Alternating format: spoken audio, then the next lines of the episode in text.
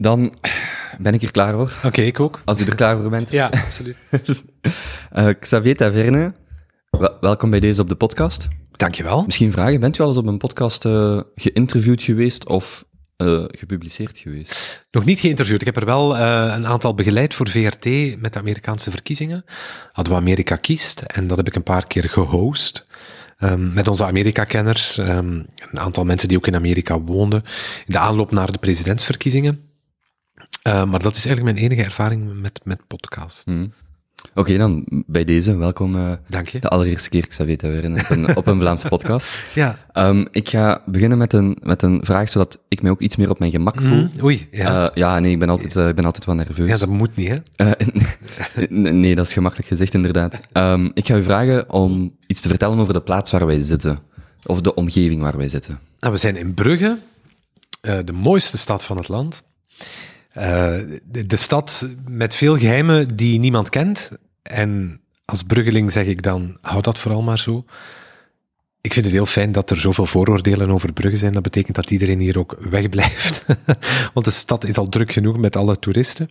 Toeristen die vaak meer de charme en het, en het mooie van Brugge zien dan, eh, dan de mensen die in, in Vlaanderen wonen.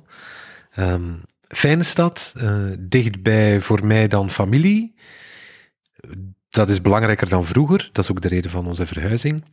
Ehm, ik ben hier graag, ik kom hier tot rust. Enfin, ik probeer hier tot rust te komen. Eh, wat altijd een beetje een uitdaging is. Maar ik ben hier graag, ja. Mhm. Ehm, we zitten hier bij u thuis. Mhm. Hoe belangrijk is het voor u om dicht wel bij het centrum te wonen? Als ik dat zo, als ik dat zo goed inschat, ik ken Brugge niet zo goed, maar je woont wel vrij dicht in het centrum. Ik woon in het centrum, ja, echt in het ei van Brugge. Als je de kaart ziet, dan heeft dat de vorm van een ei. Dus heel veel mensen hebben het over het ei van Brugge, wat eigenlijk afgeleid wordt door water. Eh, dus nu woon ik hier, we zijn aan het verbouwen net buiten het ei van Brugge. Dat is echt 100 meter buiten het ei van Brugge. In IMO-prijzen betekent dat ongeveer 100.000 euro minder voor een huis. Vandaar ook de reden dat we buiten het ei van Brugge gekocht hebben. En we zijn een oude bakkerij aan het verbouwen. Ehm, maar ik vind dat wel belangrijk om, om wel in het centrum te wonen, ja. Ik vind dat wel gemakkelijk dat alles dichtbij is. Dicht bij het station, dat was voor mij een eh, absolute voorwaarde. Om de verbinding met Brussel te kunnen behouden. Ehm, dus ja, belangrijk. Maar ik hoef niet per se, dat heb ik in Brussel gedaan, echt absoluut in het, in het uiterste hart van een stad te wonen. Dat is geweldig plezant als je 25 bent. Maar ik word 37 en dan hoeft dat niet meer zo. Voordat ik u opzocht, had ik nog nooit van Berenum gehoord. Hm? Ja? Kan, kan u daar iets over vertellen? Niet zoveel eigenlijk. Ik heb daar gewoond. ehm enfin, niet zoveel, dat klinkt nu oneerbiedig, maar ik zat op internaat. Wij hebben, we zijn altijd naar de lagere school geweest in Wingenen. En mijn ouders zijn toen verhuisd, maar ze wilden ons niet van school doen veranderen. Dus wij hebben, we zijn altijd naar de lagere school in Wingenen blijven gaan, waardoor ik nooit echt een netwerkje heb uitgebouwd in Beernem. Want toen ik de lagere school verliet, ben ik in Brugge op school gegaan. En dan zat ik daar op internaat. En dan waren mijn vrienden uit Brugge en omgeving. Ehm, en, Beernem was voor mij het bos waar mijn ouders hun, hun zaak hadden. Eh, en waar ik in de weekends kwam. En op mijn achttiende ben ik naar Brussel verhuisd. Dus heel veel actieve herinneringen aan Beernem als, als dorp of als gemeenschap heb ik niet. Wel het feit dat ik daar woonde en in het bos woonde en heel afgelegen woonde. ehm, dat wel, maar Beernem aan zich, nee. Waar ligt Berenum ongeveer? Beernem is de eerste afrit op de E40 als je van Brussel naar de kust rijdt. Dus dan kom je, als je Brussel, dan heb je Aalst, dan heb je Gent, dan heb je Aalter, en dat is nog net Oost-Vlaanderen. Dan de volgende afrit is Beernem-Wingenen. Dat is de eerste afrit in West-Vlaanderen. En dan twee afritten verder heb je Brugge. Mhm. Hoe relevant of hoe makkelijk was voor u de keuze om naar, eh, om naar Brussel te gaan dan, als 18-jarige? Dat was compleet mijn keuze. Ik wilde opnieuw beginnen. Ik wilde iets anders doen. Ehm, en ergens in mijn zesde jaar dacht ik, oké, ben hier eigenlijk wel klaar met heel veel. Dus ik wil opnieuw beginnen. En ik, dan dacht ik, oké, waar ga ik dat doen? Niet in Gent, want iedereen gaat in Gent studeren. Dat is een soort West-Vlaamse enclave, eh, Gent, bij momenten. Zoals Hasselt een Limburgse enclave Ja, is. bijvoorbeeld, ja, inderdaad, dat zal, ik ken Hasselt nu zelf ook niet zo goed, maar dat zal vergelijkbaar zijn. Dus ik dacht van, als ik opnieuw wil beginnen, dan moet ik, dan moet ik nog verder. En dan was het Antwerpen, waar ik niks, zo, niet zoveel mee had. Of Brussel, en dan dacht ik, ja, het heeft ook wel iets mooi om in Brussel te gaan studeren, de, hoofd, de hoofdstad, hè, waar je niks van af weet, maar alle verhalen wel van hoort. Dus uh, mijn logica is een beetje uh, omgekeerd. Ik heb eerst de stad gekozen waar ik ging studeren. Dan heb ik een kot gevonden. En pas daarna heb ik beslist welke opleiding ik ging doen. Ja. Dus de stad was voor mij belangrijker dan de opleiding die ik wilde volgen. Maar ik wist, ik ga naar Brussel. Alles is daar mogelijk. Ik kan daar ook alles studeren wat ik, wat ik misschien wil. Welke rol speelden uw ouders toen in die beslissing? Nul. Geen enkele rol. Die, ja, die, zijn, die hebben niet verder gestudeerd. Um, mijn zus ook niet. Dus voor hen was dat ook een wereld die zij zus. niet kenden. Of jongere zus? Een oudere zus. Oudere zus vier jaar ouder. Zij uh, heeft hotelschool gedaan in Brugge. Uh, in Spermali, wat een heel bekende en hoog aangeschreven school is. Dus als je daar buiten komt op je achttiende, dan ben je echt klaar voor de arbeidsmarkt. Um, ze heeft nog een zevende specialisatiejaar gedaan, maar dat was het dan ook. En mijn ouders die kenden niks van verder studeren. Enfin, kenden niks die wilde zich daar wel mee bezighouden, maar die had zoiets van, zoek maar uit, jongen, weten wij veel wat je wil. Dus dat was een, een fantastische vrijheid die ik kreeg. Uh, om te kiezen wat ik wilde. Ik mocht volledig zelf beslissen wat ik wilde. Uh, en met ook de boodschap erbij, je mag het één keer proberen, als het mislukt krijg je een tweede kans, maar dan houdt het op. Ja, ja. Dus we willen gerust snappen dat je een keer een jaar opnieuw moet doen, maar dan stopt het wel. Dus kies verstandig, kies iets wat je leuk vindt en, en ga maar, weten wij veel. Ja, dus de, de grote regels lagen wel vast, maar wat daar binnen gebeurde, welke studiekeuze, welke stad, welke opleiding. Dat was volledig aan mij, ja. Ja, ja, ja. Um, van waar dan de keuze communicatiemanagement? Ik was heel hard aan het twijfelen of, of tussen... Heette, heette dat toen? Ja, communicatiebeheer ja. heette dat zelfs, denk ik. Ik was heel hard aan het twijfelen op een gegeven moment van, moet ik wel unief doen of niet? Uh, ik wilde eigenlijk heel graag psychologie doen. Maar ja, ik dacht ook, het was nog de tijd waar burn-out niet uh, all over the place was. Dus ik dacht, hoe ga ik in godsnaam mijn brood verdienen als psycholoog? Nu zou ik misschien in dit, in dit tijdperk waarin we nu leven, twintig jaar later, zou ik misschien wel psychologie kiezen. Um, maar goed, ik wilde ook geen vijf jaar studeren. Ik wilde geen scriptie schrijven. Ik, uh, ik wilde heel veel niet doen. Ik wilde eigenlijk gaan werken. Enfin, ik wilde eigenlijk na mijn zesde jaar een jaar naar het buitenland. Dat wilden mijn ouders niet, want ze waren, en heel terecht denk ik, bezorgd over het feit dat als ik zou terugkomen, dat ik niet meer zou studeren. Of dat ik zo genoten zou hebben van dat jaar in het buitenland, dat ik niet meer zou denken aan oei en wat nu. Dus de afspraak was, je mag naar het buitenland, maar je moet eerst een ander diploma halen. Um, en toen dacht ik, oké, ik wil zo kort mogelijk studeren in iets wat ik wel wil. En ik was altijd wel aangetrokken door media en journalistiek. Um, dus psychologie had, die keuze speelde daar ook wel in mee. Dat ik dacht, ja, als journalist moet je ook, moet je ook een psycholoog zijn. Enfin, jij weet dat ook, hè, als je bij mensen komt, dat is even inschatten, ja, is die goed gezind of niet? Wat voor iemand is dat? Dus je moet dat ook inschatten. Wat kan mijn rol daarin zijn? Allee, als interviewer moet je ook een soort chameleon zijn. Proberen aan te passen aan de geïnterviewde. Die wat ter willen te komen, in de hoop dat je elkaar ergens in het midden vindt en dat je vanaf daar dan weer verder kan. Um, maar dan heb ik toch voor, voor, voor communicatie, en dan heette dat die optie pers en voorlichting. Dus je had een algemeen jaar communicatiebeheer, en dan na dat eerste jaar mocht je kiezen.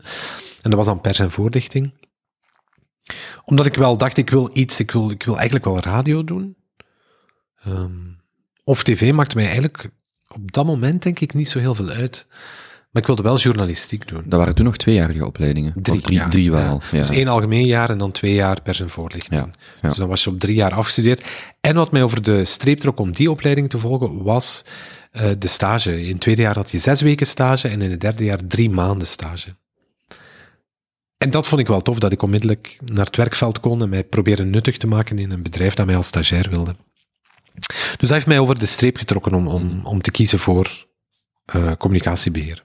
De naam ontschiet mij nu even, of ontgaat mij nu, maar um, was dat het Nederlandse bedrijf waar dat u dan die drie maanden stage... Uh, nee, ik heb zes weken stage gedaan bij Woestijnvis. Ja. Dan, um, dat was in het tweede jaar. In het derde jaar drie maanden stage bij Radio 2 West-Vlaanderen.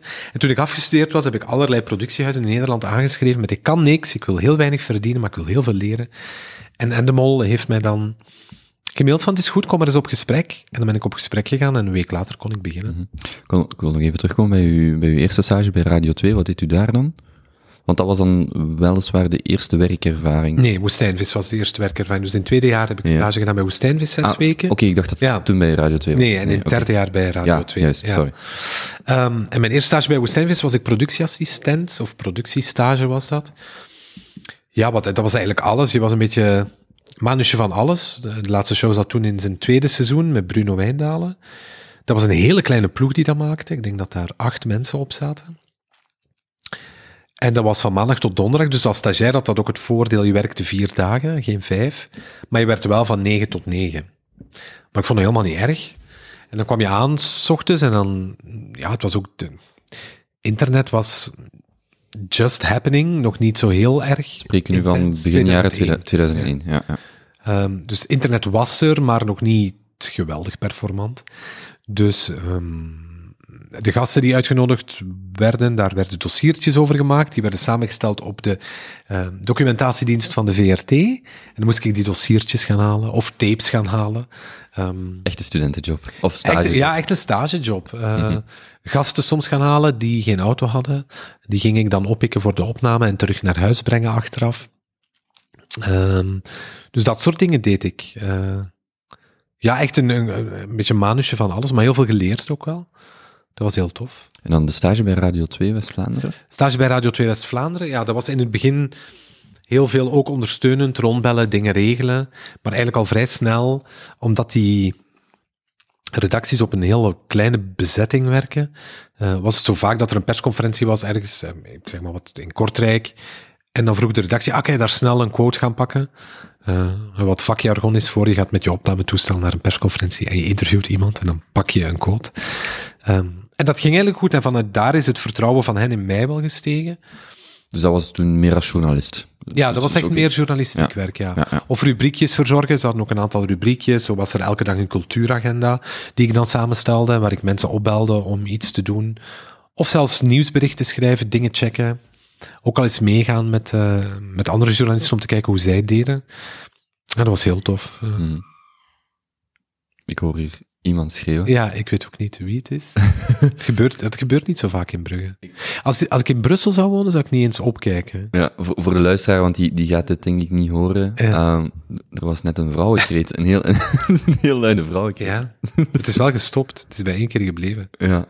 Oké. Ja, er zit wel een vakantiehuis achter de hoek. Daar komt het meeste lawaai vandaan. Wie weet wat voor de ene vakantie is. eh Ja. Het is wel- het is wel grappig dat het u in Brussel waarschijnlijk niet zo... Nee, in Brussel zou dat niet eens opvallen. Als ik hier een, een sirene hoor, denk ik, oei, er is iets gebeurd. ja, ja. En in Brussel, in Brussel denk ik, ah ja, just another day. Ja, dat is wel een groot verschil. Ik kom even terug naar uw studies, of Mhm. naar, het, eh, naar het afronden van uw studies. U studeert dan af en Mhm. ehm, schrijft een aantal productiehuizen ui- eh, aan, zowel in België als in Nederland, Ja. neem ik aan. En vertrekt dan naar Nederland. Ja, dat was, ehm, ik, ben, ik ben mijn diploma gaan halen op een donderdagavond. Ben ik nu, een- ja, donderdagavond. Proclamatie. Diploma, ouders heel tevreden, jee. Eh, en ik ben de vrijdag... De eerste in de familie of in het gezin dan? Nee, nee, nee, dat niet. De eerste in het gezin in het wel. gezin wel? Ja, die een hoger diploma haalde. Of een, een diploma hoger onderwijs, want hoger klinkt alsof, daar, alsof ik daar segregatie bepleit, wat niet zo is. Ehm, maar een diploma hoger onderwijs. Ik denk dat dat niet zozeer meespeelde. Het was meer van, oef, hij was er op drie jaar door, ik ben nergens blijven hangen en laat hem nu maar uitzwerven. En voor hen was dat een soort bevestiging. Of een, ik was blij dat ik dat kon doen. Dat diploma betekende meer voor mijn, betekende meer voor mij, voor mijn ouders, dan voor mezelf. Ik was heel Ja. blij dat ik hen een diploma kon geven van bedankt voor alles, maar ik heb het nu en ik ga nu de wereld ontdekken. En dan ben ik naar Nederland vertrokken de vrijdagochtend. En dat was mijn eerste werkdag daar. Waar was dat? Eh en de mol zat toen in de oude bloemenveiling van Aalsmeer. Nee, ze zaten eerst nog in Hilversum. We hebben eerst nog op het Mediapark in Hilversum een maand gezeten, maar Endemol wilde toen al verhuizen. En toen eigenlijk na een maand zijn we in Aalsmeer eh, gaan zitten, in de oude bloemenveiling, waar de studio's gemaakt hadden. En, Is dat in de buurt van Hilversum? Eh, nee, dat is eigenlijk de andere kant. Hilversum ligt op de kaart, wat zal het zijn, ergens, ja, waar zit dat? Rechts onder Amsterdam. Mhm. En Aalsmeer ligt bij Schiphol. Oké. Ja, het is een half uurtje rijden, Ja. een half uurtje, drie Ja, het is niet super ver dan, hè? Nee, het is niet super ver, nee. En dan daar gezeten, eh, en daar heb ik toch wel best lang gewerkt eigenlijk. Ja, een paar maanden. Want als ik het goed las, Ehm, dan bent u daar gestart ook als, uh, niet stagiaire, maar als... Als, uh, als een soort van stagiair, ja. Of een studentenjob, of allee, ja. iets, iets in die rol. En dan zijn er een aantal mensen moeten vertrekken. Ja. En heeft u daar die, die, de, de leegte kunnen opvullen? Ja, ze, hebben Toen, ze gingen toen door een zoveelste herorganisatie, of reorganisatie. En dan zochten ze nog een aantal mensen. Toen zat ik daar, hè, nog weinig ja, nog echt niet zo heel goed op de hoogte van hè, wat tv precies was. Ik leerde wel heel snel bij. Toen hebben ze gevraagd van, kijk, wil je een, meer productionele rol ook op, opnemen, los van de stage waar je nu in zit. En dat heb ik ook gedaan. Dan hebben wij een aantal programma's samengemaakt. Ja, wat bedoelt u daarmee? Een productionele rol? Wel meer, uh, ik was nu een soort ondersteunende stagiair die overal hielp.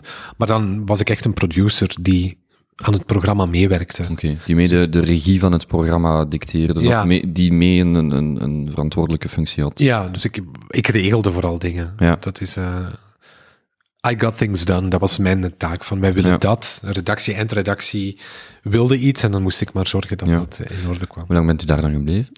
Een paar maanden, ik denk van juni tot, dat zal bijna december geweest zijn. Mm -hmm. ja. ja. Terug naar Brussel?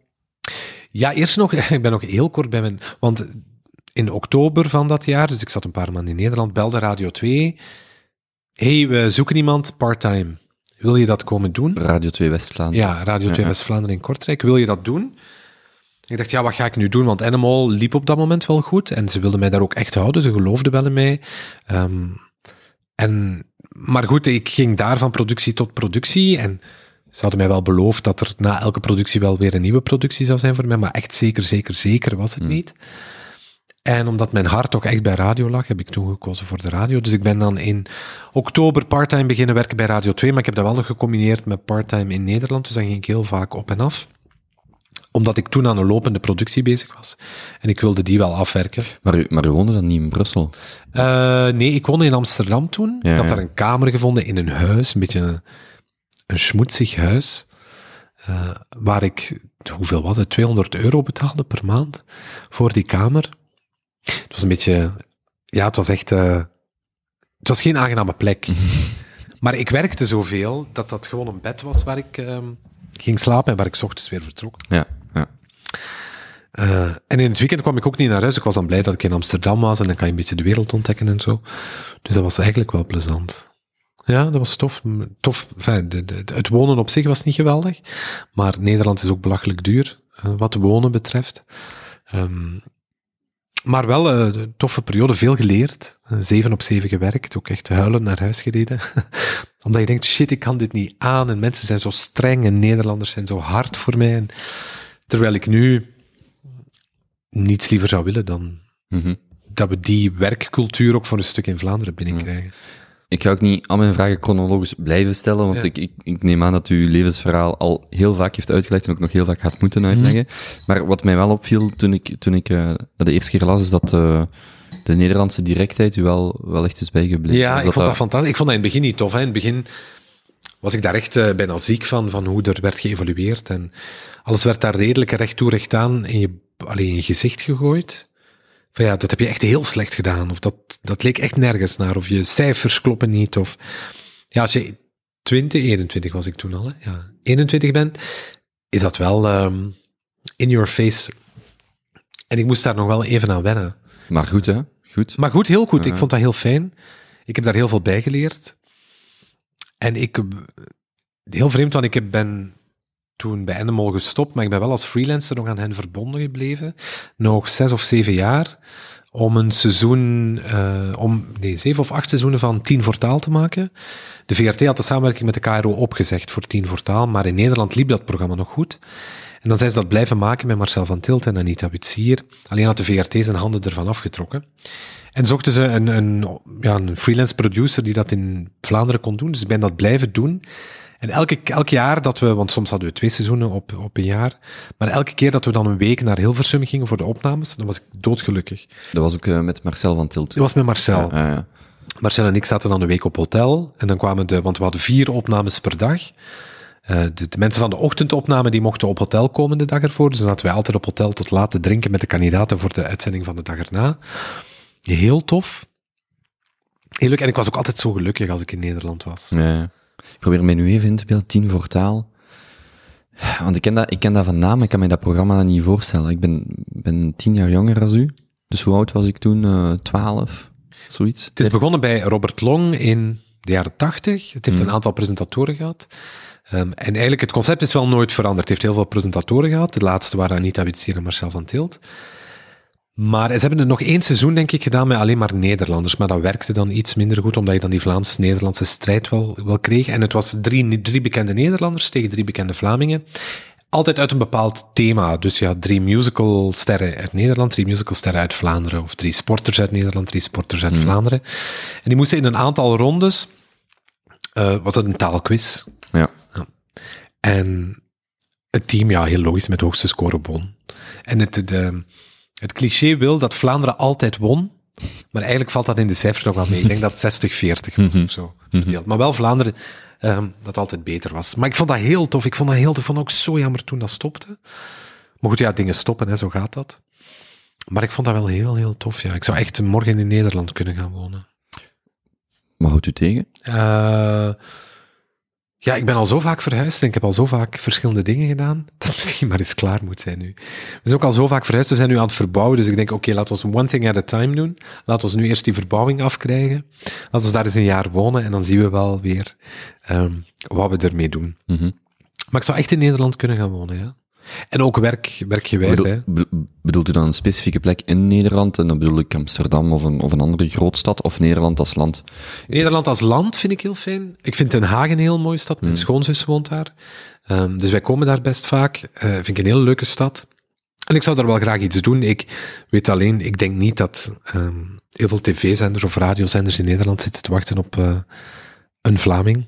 Uh, wel, toch, toch niet in de rol die u nu vervult, neem ik Nee, zeker niet. Ik zou ook geen probleem hebben om achter de schermen te werken. Dat zou ik ook helemaal niet hmm. zo erg vinden. Maar eigenlijk moet ik daar ook eens werk van maken. Ik vind alleen als je er werk van maakt, dan moet je ook doorzetten. Je kan niet bellen of mailen of solliciteren ergens en zeggen, ik denk er misschien aan om naar Nederland te komen. Have you got a job for me? Ik denk dat je het echt moet, moet doen en zeggen van, kijk, ik kom naar Nederland, ik zoek werk voilà, heb je iets en als je iets hebt, dan moet je ook zeggen van oké, dan ga ik ervoor. Mm u, dus u vertrekt op uw achttiende, carte blanche, studeert, gaat naar Nederland, komt terug. En dan wil ik even de sprong maken naar wat u vandaag doet en waar dat vandaag de meeste mensen u van kennen. Gaat ofwel de radio zijn, zowel Radio 2 als Radio 1, mhm. of de zevende dag, wat u vandaag presenteert. Ja. Waar heeft u leren spreken ondertussen nog? Waar ik heb leren spreken? Ja, en dan bedoel ik, waar heeft u... Uh, ik heb het al met een aantal van uw collega's, onder andere Peter van den Bemt, over de fameuze taaltest gehad. Ja. Um, en ik, ik, vroeg het mij af, omdat u heeft communicatiemanagement gestudeerd, dus ik weet niet of dat, of dat voor u überhaupt een issue was, uh, om, om te kunnen werken als presentator of, of journalist. Dan, Mijn, hoe ik sprak op dat moment, bedoel ja. je? Ja. ja. Um, het, het, voordeel van als West-Vlamingen. De onderliggende vraag is ook, ik vraag mijzelf af, hoe lang zou het eigenlijk duren om mooi te leren spreken, of om ah. verzorgd te leren spreken? Dat is zo wat. Oké, wel, zal ik dan de opbouw er naartoe doen. Het voordeel van als West-Vlaming in Brussel te gaan studeren, is dat je. Ik ben in heel veel dingen een chameleon. Dat is een beetje. Ik pas mij makkelijk aan aan groepen. Ik kijk heel goed wat kan mijn plaats hier zijn. Omdat ik, ik ben niet van de confrontatie. Ik denk niet, ah, hier ben ik nu en nu moet de hele groep maar zich rond mij gaan neervleien. Dus ik bekijk wat mijn positie kan zijn. Dat gaat ook in taal. Ik heb mij in die drie jaar in Brussel, terwijl ik studeerde, een soort tussentaal aangeleerd. Iets wat de, het middenhoud tussen West-Vlaams, Brabant en algemeen Nederlands. Denk ik. Um, en dan ging ik werken bij Radio 2 en dan heb ik denk ik nog drie maanden logopedie gevolgd. Dat was een uurtje per week.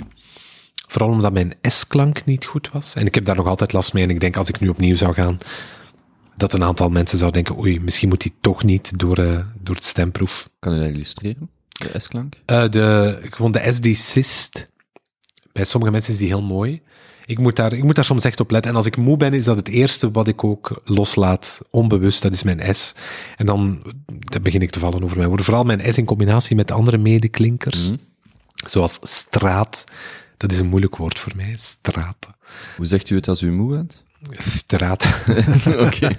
Zoiets denk ik, straat. Oké. Ehm, ja. Maar, maar het was geen issue om bij, de, om bij Radio 2 te beginnen? Uh... Nee, met de belofte, ze wilden, ze wilden uiteraard wel dat ik mijn stemattest zou halen.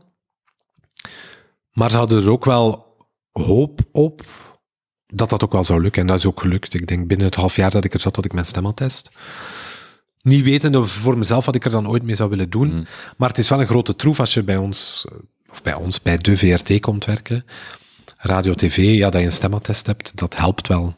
Ja. Om uh, je kansen te vergroten. Als je tenminste richting antenne wil, het zij bij radio, het zij bij tv, het zij online. Um, dus het vergroot wel je kansen. Dus het is wel belangrijk. En om dan op jouw vraag te antwoorden hoe lang het zou duren. Ik denk als de basis goed zit en je, je hebt niet te veel dialectische klanken en bedoel, je kaakspieren werken prima, waardoor je wel een aantal dingen kan aanpassen, dan denk ik dat je dat op, als je dat intensief doet, dat je dat wel op drie tot zes maanden moet kunnen ja. leren. Maar het betekent niet, als je dan je stemattest hebt, dat je ook vlot bent, want dat zijn twee andere dingen. Je kan heel mooi praten, maar is het dan ook nog iets wat mensen willen horen? Ja, ja het kan ook uh, beperkend werken, neem ik aan. Hè? Dat het een soort van, oei... Het wordt een harnas ja, een, je... zwaar harnas uh, waarmee je niet meer zo vlot kunt bewegen, neem ik aan. Dat vind ik ook moeilijk. Ik heb daar al redelijk wat discussies mee gehad met, met, met jongeren ook bij ons die beginnen. Die zeggen, alleen maar ik heb mijn stemattest, maar... Want het zijn twee verschillende dingen. Eén, het is een vlotheid die erin moet komen. Je moet spontaan zijn en je moet, mm. je moet heel veel kunnen. Maar je moet ook op je taal letten. En op een gegeven moment moet je een van die twee loslaten. Dus als je netjes wil praten, dan um, of wil leren praten of toch doen alsof of weet ik veel, hè, maar netjes praten, dan moet je de inhoud soms wel loslaten. Um, en dat is heel veel vlieguren. Hmm. Dat is heel veel ja, vlieguren maken en, en, en proberen en trial and error en, en weer falen en weer opstaan. En, en op een gegeven moment komen die twee samen waarin je toch netjes blijft praten en toch die vlotheid die je misschien als persoon hebt, om die samen te brengen. Ja. Maar dat is niet iedereen gegeven. Dus het is niet omdat je mooi praat en netjes praat, dat je ook in staat bent om een programma te dragen. Dan ben je misschien wel goed om een verslag te maken, of um, voor tv of voor radio inderdaad een verslag te doen, maar misschien niet om een programma te dragen. Dat hangt van andere ja. factoren af. Ik, ik, herken wat u zegt. Ik, ik heb ook een aantal, dan een aantal andere talen moeten leren. En het is niet omdat je de taal... Er is, een, er is echt een wezenlijk verschil tussen één, de taal spreken, Um, en bezig zijn met, is het grammaticaal correct, mm. wat ik nu hier vertel, maar ook inhoudelijk een gesprek kunnen voeren. Mm. En dat is echt, dat, dat staat, ik, ik weet dat er momenten waren dat ik dacht van, wauw, nu heb ik echt grammaticaal een mooie zin gezegd, mm. in het Duits dan, of in het Portugees. En dat ik dacht, ja, maar ja, inhoudelijk trekt het dan op niks. Ja, hè? Zo. ja, ja die twee die moeten samenkomen. Ja. En dat is, dat is soms echt moeilijk. Ja. En dat is ook een frustratie bij heel wat, ja, maar ik ben toch vlot, ja, maar door je vlotheid denk je niet meer aan hoe je spreekt. Mm. Dus het klinkt gewoon, het is niet juist hoe het gaat. En als ze daar dan op letten, op hoe het juist moet klinken, dan verliezen ze weer aan vlotheid. En dan komt er een soort van frustratie. Maar ik zeg, het, ik zeg altijd vlieguren maken. Ga zoveel mogelijk de studio in. Ook al komt dat niet op antenne. Ga, ga, ga. Als je in de auto zit, dat is wat ik deed, en ik zat best vaak en lang in de auto, gewoon beschrijven wat je ziet. En daar proberen een soort van vlotheid in te krijgen. Dus het is, het is echt veel vlieguren maken. Het is niet zo dat je de studio binnen kan en dat je bam, ja, once in the blue moon zal dat wel eens gebeuren. Dat je iemand hebt bij wie alles samenkomt vanaf het eerste moment. Dat, dat, dat zijn de ruwe diamanten. Maar die zijn er ook niet in grote hopen. Mm. Ja, je moet er ook voor werken. Ja. En niet iedereen wil dat, wat ook prima is, maar dan kan je ook niet verwachten dat als je het werk er niet in stopt, dat het op een gegeven moment wel gaat komen. Die twee staan, liggen, allee, dat ligt ook wel samen. Mm -hmm. Of dat hangt ook wel samen. Een, een, andere grote stap dan is de, de stap van radio naar televisie. Mhm. Mm -hmm. um, we hadden daar voor het, voor het gesprek het ook al um, even daarover. Um, de, vraag, de vraag die ik u gesteld heb, en zeker wou stellen, is hoe groot is die, hoe groot is die impact voor u geweest? Dat u van een wat ik dan als een, als een veilige omgeving percipieer, een, een radiostudio, waar je de regie volledig in handen hebt, waar je eigenlijk, denk ik, dan meer controle hebt over wat er gebeurt, versus een zevende dag, of een, of een, of een praatprogramma, of toch tenminste een programma op televisie, waar je inderdaad met meerdere camera's, een groter team zit, met meer gasten, uh, eigenlijk heel wat controle moet opgeven. Uh, hoe is die overstap voor u gegaan? Uh, ik heb daar eigenlijk niet zo heel veel bij stilgestaan. Toen de vraag kwam om de zevende dag te doen, wilde ik ook wel iets anders doen. Ik wist op dat moment nog niet wat. Ik had gezegd op Radio 1 van kijk, ik wil er even een jaar uit, goed wetende dat uh, uh, weglopen plaatsverkopen is. Het is weglopen plaats, u bedoelt dat als u pauze neemt, dat er... Ja, dan komt er iemand anders op ja. je stoel zitten. En Ja. dan vind ik niet dat je na een jaar kan zeggen, hey, it's mine. Zeker niet. Ik vind het anders bij een loopbaanonderbreking, hè, waarin je zegt van ik stop en ik wil terugkomen en dan moet je daar afspraken over maken, maar ik bleef wel werken binnen het bedrijf. En dan vind ik het een beetje raar om te zeggen van, ah ja, ik ga even weg, maar hou mijn stoel een jaar warm en dan kom ik terug. Ja, enfin, dat voelde voor mij niet zo correct. Dus ik heb gezegd van, kijk, ik ga ervan uit dat ik niet meer terugkom. En ik zie wel wat ik ga doen. En dan kwam de vraag om de zevende dag te doen. Dan heb ik daar toch wel even over nagedacht, omdat de impact op je leven wel groot is. Maar ik dacht, oké, dit is wel... Refereert u dan naar het leven als publiek figuur meer? Eh, nee, Het, het, elk weekend werken. Ja, uh, ja. ja, Niet zozeer het, het, bekend zijn op zich, want daar was ik niet zo mee bezig toen die, toen die vraag kwam. Het was wel een programma waar ik mijn tanden in wilde zetten. Waarvan ik dacht, ik wil dat doen en ik wil dat ook graag doen met een tof team. En we hebben een fantastisch team. Een heel goed team. Uh, het was, toen werd er gezegd, is samen met Farah, waar ik ontzettend veel professioneel ontzag voor heb. Waarvan ik ook wist, ik ga je er heel veel van kunnen leren. Dus veel beter kan je nationaal niet debuteren op tv. Lijkt me inderdaad wel om, om, met haar daar, ja. ja. om daar met haar te zitten. Ja, ja dat, is, dat is soms intimiderend. Uh, maar ik heb dat intimiderende wel proberen los te laten, omdat je kan niet geïntimideerd elke week een programma maken. Het is ook maar een mens van vlees en bloed, maar ik heb het wel, ik zie haar nu, ze zitten daar mijn, allee, ik, ik, ik, volg het ook niet zo lang, maar ze zitten af en toe in, in de afspraak. Mm -hmm. Ik vind het altijd, ik vind het altijd gewoon leuk om naar haar te kijken. Ja. Straat, straat, dus niet louter als presentatrice, maar ook als, als, als deelnemer. Um, straalt zoveel rust uit, straalt zoveel ja, volwassenheid uit, uh, ook een functie van ervaring en de leeftijd is. Ja, wij, wij, er zit uh, precies twintig jaar tussen, um, tussen ons twee. Maar dat voel je niet, dat voel je mm. absoluut niet. Die, integendeel, er zijn momenten dat ik denk, waar haal jij die energie? Dat is echt ongelooflijk, want er stond al langs een portret in de morgen over Farah. En een van de dingen wat daarin verteld was, was, die heeft geen off-knop. En dat is ook zo. She's always on. Die is altijd, ja, she was born ready, denk ik. En zeven op zeven is die ook klaar voor alles. Mm -hmm ik, en dat heeft misschien wel met generatieverschillen te maken. Ik heb wel momenten waarop ik de off-knop absoluut vind. En dan sta ik ook af. Ja. Niet, het gebeurt niet vaak, maar het gebeurt wel eens. Um, dus het feit dat zij er ook was, was voor mij wel een reden om ja te zeggen, omdat ik wist van ik ga hier geweldig veel leren. Maar de switch dan van dagprogramma naar weekprogramma en vooral weekendwerk mm -hmm. was wel... Uh, was wel dat heb ik onderschat. Ik heb daar op voorhand eigenlijk te weinig of bijna niet bij stilgestaan. Omdat ik wel echt heel veel zin had om dat programma uh, te doen met Farah, met de ploeg, met dat aanpakken ook van hey, wat, gaan, wat willen wij op zondag eigenlijk nog zijn als programma?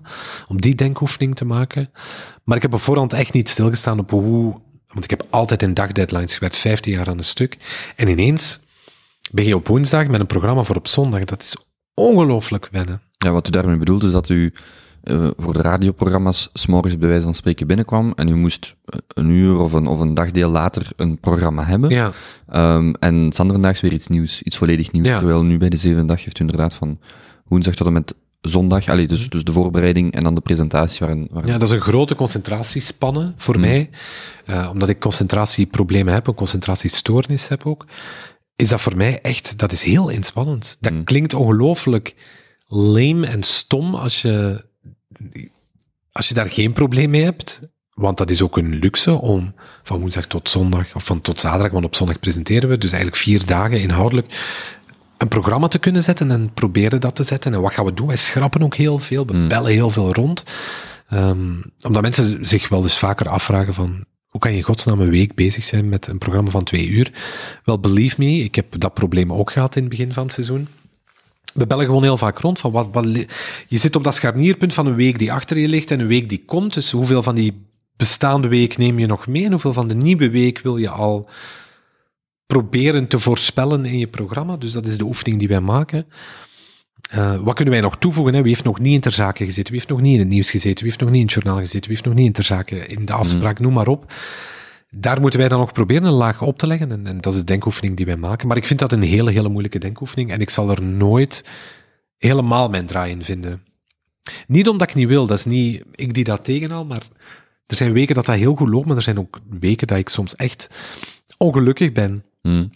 van lang te moeten nadenken over uh, hoe je in godsnaam een weekprogramma maakt. Dus dat, is, dat, is, dat komt niet natuurlijk. En Farah kwam van Pano, hè, waar je soms twee maanden bezig bent aan een programma. En ik kwam uit, ik maak vijf programma's per week. Mm -hmm. Dat is allebei even intens, alleen is het werkproces helemaal anders. En ik kwam van een ongelooflijke vluchtigheid en uh, Farah van een, een, een, een wat tragere manier van werken misschien, van het proces van werken, niet trager werken. Want ik, Pano is echt hard werken. Um, maar gewoon een andere manier van werken. En dat, dat was in het begin, was dat voor mij heel erg aanpassen. Ik wil, ik wil daar zo dadelijk nog op ingaan, wat, wat mensen zo, want mensen onderschatten dat denk ik, hè. Die zien, die zien op zondag een programma van twee uur en denken, ah ja, wat doen die eigenlijk de rest van de week? En, en zien niet dat daar heel veel uh, voorbereiding uh, aan vooraf gaat. Um, wat ik nog wou zeggen is dat ik het als kijker heel aangenaam vind dat er veel meer ruimte is voor het grote debat. Mm -hmm. um, dat mocht van mij zelfs anderhalf van, van de twee uur duren. ja. Uh, eindelijk is, ik vind het nog altijd te kort hoor, maar eindelijk is iets meer um, uitgebreid debat, want ik, ik, ik vind het nergens anders op tv. Um, Wel, we hebben die denkoefening ook gemaakt bij het begin van het seizoen van wat is er nog niet op tv? Hmm. We gezegd, oké, okay, wat is er nog niet? Er is geen ruimte voor een groot debat, letterlijk. En we hebben het dan ook maar zo genoemd, het groot debat. Het grote debat in, in de zin van tijd. En eigenlijk is het begroot op drie kwartier. En er zijn weken dat, eigenlijk elke week hebben we tijd kort. Op een uitzondering na. Het gebeurt wel eens dat we denken, oké, het is eigenlijk klaar. Dus dat we vroeger stoppen dan wat het in ons hoofd zat. Maar eigenlijk valt er nog veel meer over te vertellen. En dat wilden we echt wel zijn. Het grote debat. Oké, wat, welk verhaal willen wij nu eens echt uitspitten? Wat willen we daaraan toevoegen? Hoe mhm. gaan we dat opbouwen? En dat is een heel interessant proces. Maar je moet ook zorgen, want daar kruipt de tijd dan ook in. Eigenlijk, heel veel van de dingen die wij regelen zijn op zich snel geregeld. Van de politieke gast, daar denken we goed over na. Maar de, de tijdlijn en de muziek, dat proberen we wel op voorhand wat, uh, wat langere termijn in te plannen. Maar dat groot debat, daar ben je echt twee dagen mee bezig inhoudelijk. Omdat je van alles moet gaan lezen en opzoeken, want we zijn ook geen Wikipedia of encyclopedie. Um, dus wij zoeken heel veel op, we bellen heel veel rond. En die tafel, we beginnen met een tafel met, met twintig namen op, op, uh, op woensdag en donderdag. En dan beginnen we te schrappen. Oké, wat gaat hij vertellen? Wat gaat hij vertellen? Allemaal wat hij vertelt, vertelt zij eigenlijk ook. Dus hij moet weg, want we willen haar houden. Wie gaan we er nog bij zetten? Dus je moet er ook voor zorgen dat je op voorhand eigenlijk weet wat die mensen gaan zeggen, zodat wat zij zeggen elkaar ook aanvult. Want als je vier keer hetzelfde profiel aan tafel hebt, ja, dan heb je geen mm. debat, dan heb je gewoon, ah ja, je hebt gelijk. Mag het nog langer zijn voor u, het grote debat? En dan bedoel ik u persoonlijk voor wat we missen op tv zeg ik absoluut ja. Wil ik het dan zelf nog doen? Nee. Hmm. Ik heb, uh, is, is, het zo vermoeiend? Of, het, of is, voor mij is het vermoeiend in mijn hoofd. Um, net omwille van die concentratiestoornis ook. Hmm. Als ik drie kwartier heel gefocust moet zijn op iets, ik kan, dat, ik kan dat niet uitleggen en mensen vinden dat waarschijnlijk ook heel flauw en aanstellerig. Maar goed, het is ook maar wat het is. Ik ben kapot. Ik ben mentaal op. Dan moet ik een blokje... Eigenlijk zou ik midden in een programma een blokje rond, rond gebouw willen gaan doen, om dan terug te komen. Maar ik heb niet zoveel nodig. Hè. Het is niet zo dat ik, dat ik dan denk, ah, ik heb drie kwartier gewerkt, ik moet twee uur gaan liggen. Nee, dat is het helemaal niet. Laat mij dan gerust iets anders doen van werk, maar weer iets anders, waar ik een andere soort concentratie voor nodig ik, heb. Allee, ik herken, allee, niet dat ik voor, voor een dergelijk publiek of zo spreek, maar ik herken wel het feit dat je, dat bepaalde inspanningen, als ik nu, ik ben zeker als ik dit gesprek zou eens afzet, hm. dat is echt een, een, een, een, een last die van mijn schouders valt. Hè? Gewoon dat dat zo voelt als, als inspanning of, hm. als, of als van, oh ja, oké, ik, ik zit met die lijn en ik hm. moet dit nog vertellen en ik wil eigenlijk dat vragen en oh shit, daarnet ben ik dat vergeten. Dat is voor mij is ook heel, allee, heel, heel intens. Dat is intens hoor, met mensen praten. En dan, en dan komt inderdaad weer het, het stukje terug van vlieguren maken of van ervaring opdoen en, en dat ook voor een stukje kunnen loslaten. Um, maar nee, ik, allee, ik herken het. Ook om dat menselijk contact. Ik vind dat heel boeiend, maar dat is ook heel intens. Um, ook omdat ik heb heel weinig filter. Um, ik kan niet zeggen dat ik hoogsensitief ben of dat zo. Klinkt, dat klinkt waarschijnlijk grappiger dan dat het is. Ja, ja, ik heb, ja ik, heb, ik heb niet zo heel veel filter. Ik laat heel veel, komt, alles komt hard binnen bij mij. Hmm. Um, ik heb ook wel geleerd intussen om, om op momenten dat, dat ik dat moet afzetten, dat dat af wordt gezet. Maar ik kan ook niks half doen. Dus als ik mensen, ik ben nu ook, en ik mag er verder niet zo heel veel over zeggen, maar ik ben met Canvas, ik ben voor Canvas een programma aan het maken ook op dit moment. Hmm. En dat zijn heel veel interviews, maar je, dat is, poeh, hmm. dat is echt heel, ja, je moet je geven, hè. Want ik vind, ik vind het ook oneerlijk om een interview te doen waarin je je niet geeft. Hmm. Als je ja zegt op een interview, dan... De, Ivan de Vader heeft het ooit dansen genoemd. En dat is ook zo. Interviewen is dansen. En in het begin gaat dat een beetje moeilijk en stap je op elkaar stenen. Maar ineens heb je de cadans te pakken en dan dans je iets heel mooi. Ofwel lukt het niet en blijft het hmm. akelig. En dan voel je dat ook aan een gesprek dat dat akelig blijft. Dus ik vind dat een mooie vergelijking, omdat dat wel heel erg klopt. Um, maar zo dat, en dan komen we terug op dat grote debat. 45 minuten met mensen is... Ja.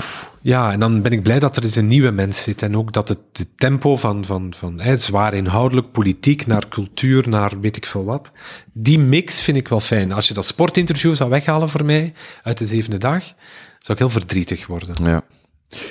Ik blijf toch, ik blijf toch nog even bij het grote debat. Ik vind het als kijker iets wat echt ontbreekt. Um, een, een nog uitgebreider debat, nog, mm -hmm. nog groter dan als, als kijker. Ik, um, ik vind het zo jammer dat we, of dat ik, want ik kan eigenlijk alleen voor mijzelf spreken, maar dat er zo weinig ruimte is of zo weinig plaatsen waar dat je echt lang mensen hun standpunten kunt horen maken, dat mensen de tijd krijgen om, uh, om, eens, om eens te vertellen over wat, wat nu eigenlijk hun standpunt is, vooraleer je, want dat zie ik dan ook vaak van die semantische discussies krijgt, hè, van ja, maar ik, ik bedoel eigenlijk met religie dit en ik bedoel dat, en dan zet je tien minuten verder, en kom je tot de conclusie dat je eigenlijk over andere dingen aan het praten ja. bent. En, en in dat grote debat wordt al een beetje opgelost, omdat je daar inderdaad nu meer tijd voor hebt. Maar als kijker denk dan van, het mag, uh, het mag inderdaad mm. nog meer, maar ik begrijp ook dat er, uh, um, net zoals het voor, een, voor degene die deelnemen aan het debat heel anders is dan degene die het... Uh, in, ja, ik denk de mensen die, er, die rond de tafel zitten bij ons hebben ook het gevoel dat het gewoon nog veel te kort was. Maar ja, ja. ja waar krijg je nog eens drie kwartier de tijd om? Maar een beetje gelijk een scheidsrechter. Hè? Ik, ik kan me voorstellen dat een scheidsrechter na een wedstrijd helemaal kapot is. Ja.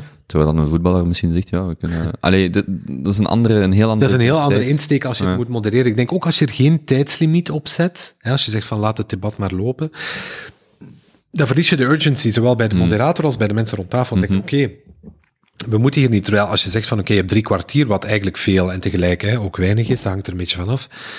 Maar dan, ja, als je niet zegt moet op drie kwartier klaar zijn, dan werk je ook nergens naartoe en dan haalt dat ook wel de scherpte voor een stuk uit je debat, denk ik. Um, maar misschien is het wel, misschien is het voor online, uh, want alles waar lineair dan geen plek voor is, dan zeggen we, mm -hmm. ah, gooi het online. Um, nu, nu trek ik het op flessen, maar het zou nog wel een idee kunnen zijn wat debat dan verder online. Nee, maar um, ik, ik vind dat totaal niet. Dat is, dat is, als ik nu naar mijn mediaconsumptie kijk, en ik ben dan nog iemand die zowel de traditionele televisie gekend heeft als de, als de nieuwe media, um, ik luister dus de vraag die ik heb naar, naar dat soort debatten, die wordt ingevuld door, door online uh, media, door YouTube-shows of podcasts, vooral Amerikaans of Engelstalig. Maar um, ja, wie weet. Allee, wie weet uh, zitten we hier over vijf jaar terug en, uh, en, en ondertussen, Ja, en het is ondertussen heel een beetje koffie. Wil jij nog koffie? Ja, ik, uh, ik lust nog wel wat koffie. Ik, uh, ik, ik zei het ook al voor het interview en nu ga ik het on the record zeggen. Dit is uh, de beste koffie die ik tot nu toe van een gast gekregen heb. met een uh, met melkschuim. Ja, waar. maar ik drink zelf heel graag koffie. Um, en niet zo uit een gewoon echt simpele oude koffiezet. Nog altijd de beste koffie.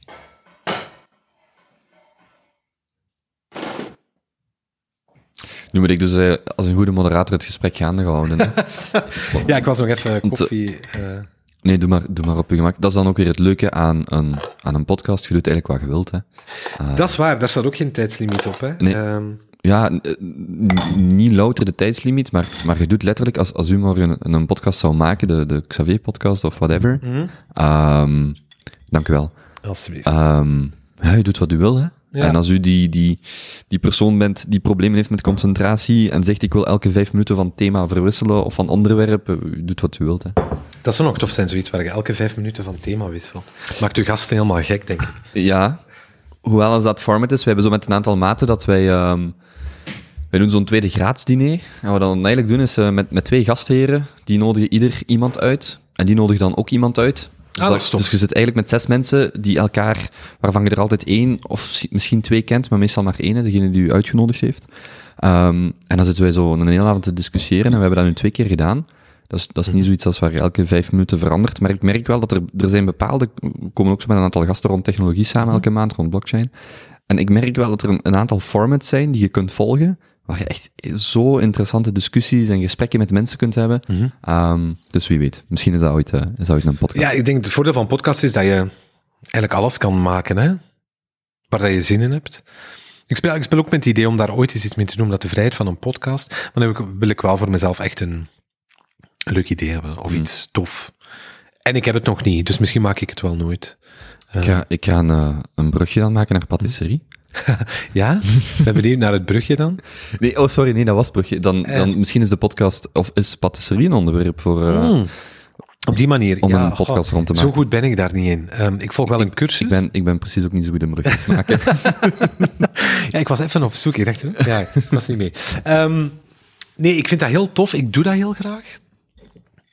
Ik vind die, uh, die, die cursus die ik volg ook heel leuk. Ik moet wel zeggen, ik ben er uh, een paar keer niet kunnen zijn. Um, door, vooral door de slimste mensen dan in het najaar en dan uh, andere dingen. Dus ik heb twee of drie keer gemist en dat vond ik wel jammer. Want ik denk dat je maximaal drie keer mag missen en dat je dan hmm. uh, je, je getuigschrift niet krijgt of zo. Enfin, ik doe het eigenlijk ook niet daarvoor. Ik vind het gewoon heel ontspannend om met hele precieze dingen bezig te zijn. Kijk, patisserie, daar, daar kan je niet over onderhandelen. 200 gram bloem is 200 gram. En die duidelijkheid vind ik tof. Het kan ook mislukken in de manier waarop je zelf je deeg bewerkt en, en te lang of te kort in de oven of, of dat soort dingen, want niet elke oven is hetzelfde. Um, maar ik vind dat heel tof, ja. Ik vind dat, omdat je iets, je serveert een beetje geluk ook. Voor mensen die niet suikerziek zijn dan toch. Uh, maar dat is een beetje happiness. En ik vind dat wel tof. Ik zorg heel graag. Uh, en de patisserie is ook zo een van die dingen waarvan dat je zegt van, ah, ik heb een taart gebakken. Zo, oh, je hebt een taart gebakken. Is een beetje geluk in een doos zo. Een heel andere vraag. Hm. Heeft, u, heeft u ooit een lange wandeling gemaakt? En dan bedoel ik een meerdaagse of zelfs een meerweekse hm. wandeling. Nee.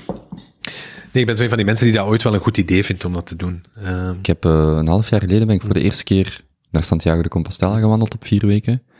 Ik ga dat in juni terug doen en waarschijnlijk voor Franks via de Nomade. Ah, tof. Uh, er via Instagram en Facebook over ah, bericht geven.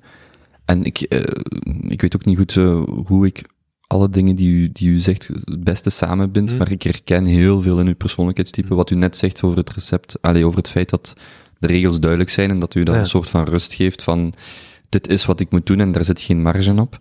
Um, kwam tijdens het wandelen um, een Den Haagse strafrechter tegen, mm. een vrouw van, van vijf, 50 of 55.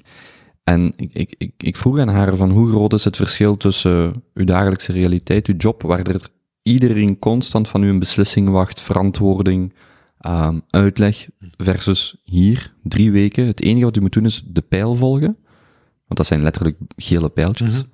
en uh, kiezen waar dat u eet en slaapt. Mhm. En gewoon Sanderdaags, dat is het enige. Stap voor stap, daar is geen shortcut voor. Je kunt de fiets pakken, maar dat, dat is niet hetzelfde. Dat, is, dat houdt aan een schema waarbinnen je wel wat vrijheid hebt, maar je moet je geen zorgen maken om dingen. En ik, ik, hoor u, ik hoor u zo al een aantal dingen vertellen ik denk echt dat dat... Je moet daar voorzichtig zijn met mensen zoiets aan te raden, want, want je weet dat nooit als dat gaat Dus ik moet dringend eens gaan wandelen in Compostela. Uh, naar Compostela. Ja. Ik, en ik, ik heb de, de vorige gast, maar ik moet het, ik moet interviewen, het zal wel online staan tegen dat dit online staat. Um, uh, een meisje, Floor, gaat nu uh, in Zweden wandelen, 400 hm. of 450 kilometer. En het is echt een van die dingen, um, ik ga er niet te lang over palaveren, maar echt een van die dingen dat ik zeg, als, als u ergens uh, twee, drie, vier weken tijd heeft, ik denk dat u daar heel daar veel begint het al. Ja, ja, tuurlijk. ja. ja, maar daar, ja, je moet er tijd voor maken. Ja. Ik denk dat ik er heel onrustig van zou worden, maar dat als ik over het moment ben dat ik heel onrustig ben, dat ik er weer rustig van word, mm. misschien. Ja, misschien wil ik ook nooit meer terugkomen daarna. Hou het in het achterhoofd. Ja. Ik ben er, ik ben er mijn, uh, ik heb toen een, uh, een dagboek bijgehouden, of ik, allee, ik hou een, een, een, een, eh, notitieboekje bij.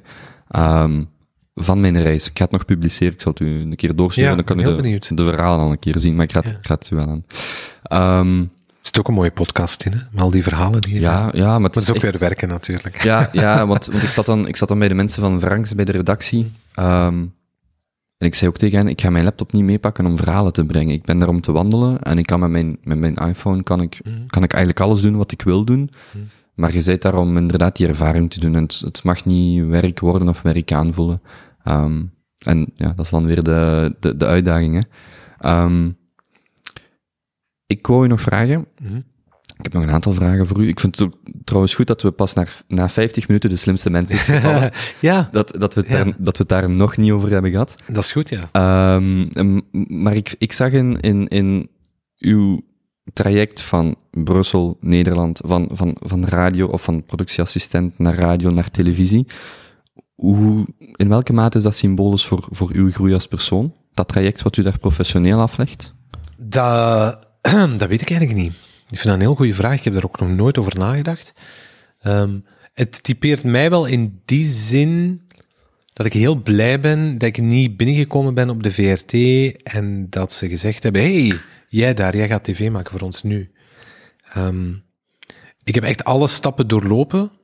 Dat is ook een heel gezonde manier van, voor mij dan, om iets uit te bouwen. Ik ben, op mijn achttiende heb ik een studentenjob gedaan. Heb ik, uh, werkte ik voor het promoteam van de VRT Radio's, dus voor Radio Donna en Radio 2, naar buiten gaan, op evenementen stickers uitdelen.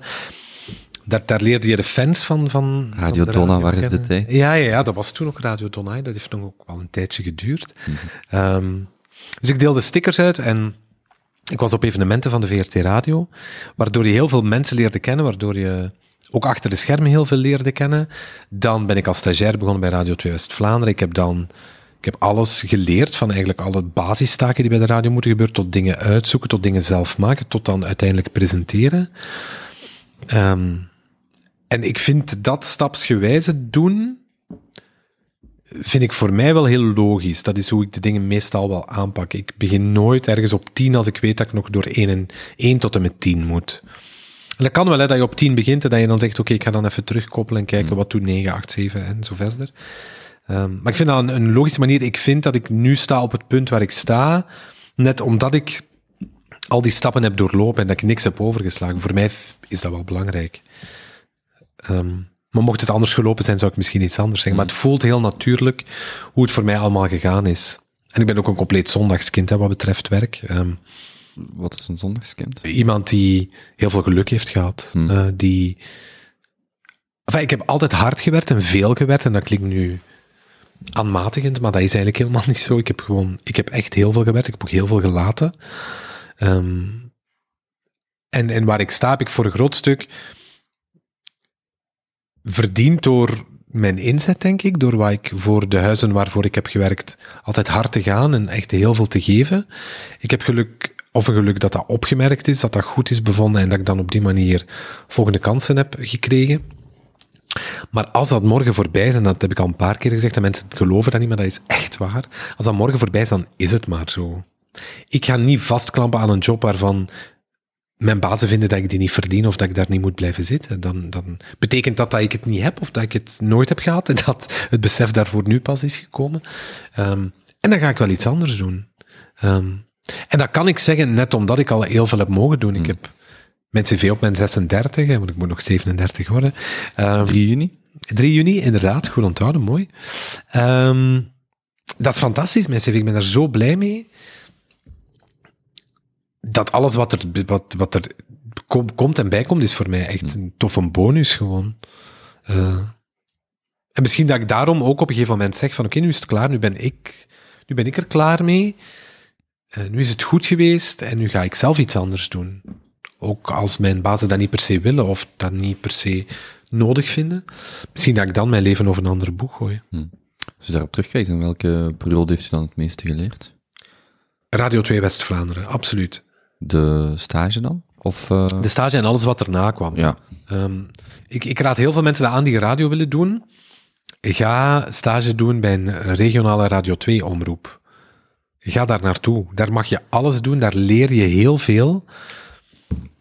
Ik heb alles wat ik heb geleerd wat radio betreft, de basis en meer, heb ik bij Radio 2 geleerd. Mm -hmm. Dus ik zou iedereen dat aanraden, van ga daar naartoe. Dat is ongeveer de, dat is de beste leerplek die je kunt hebben voor jezelf. Dat is echt fantastisch, ja. Hm.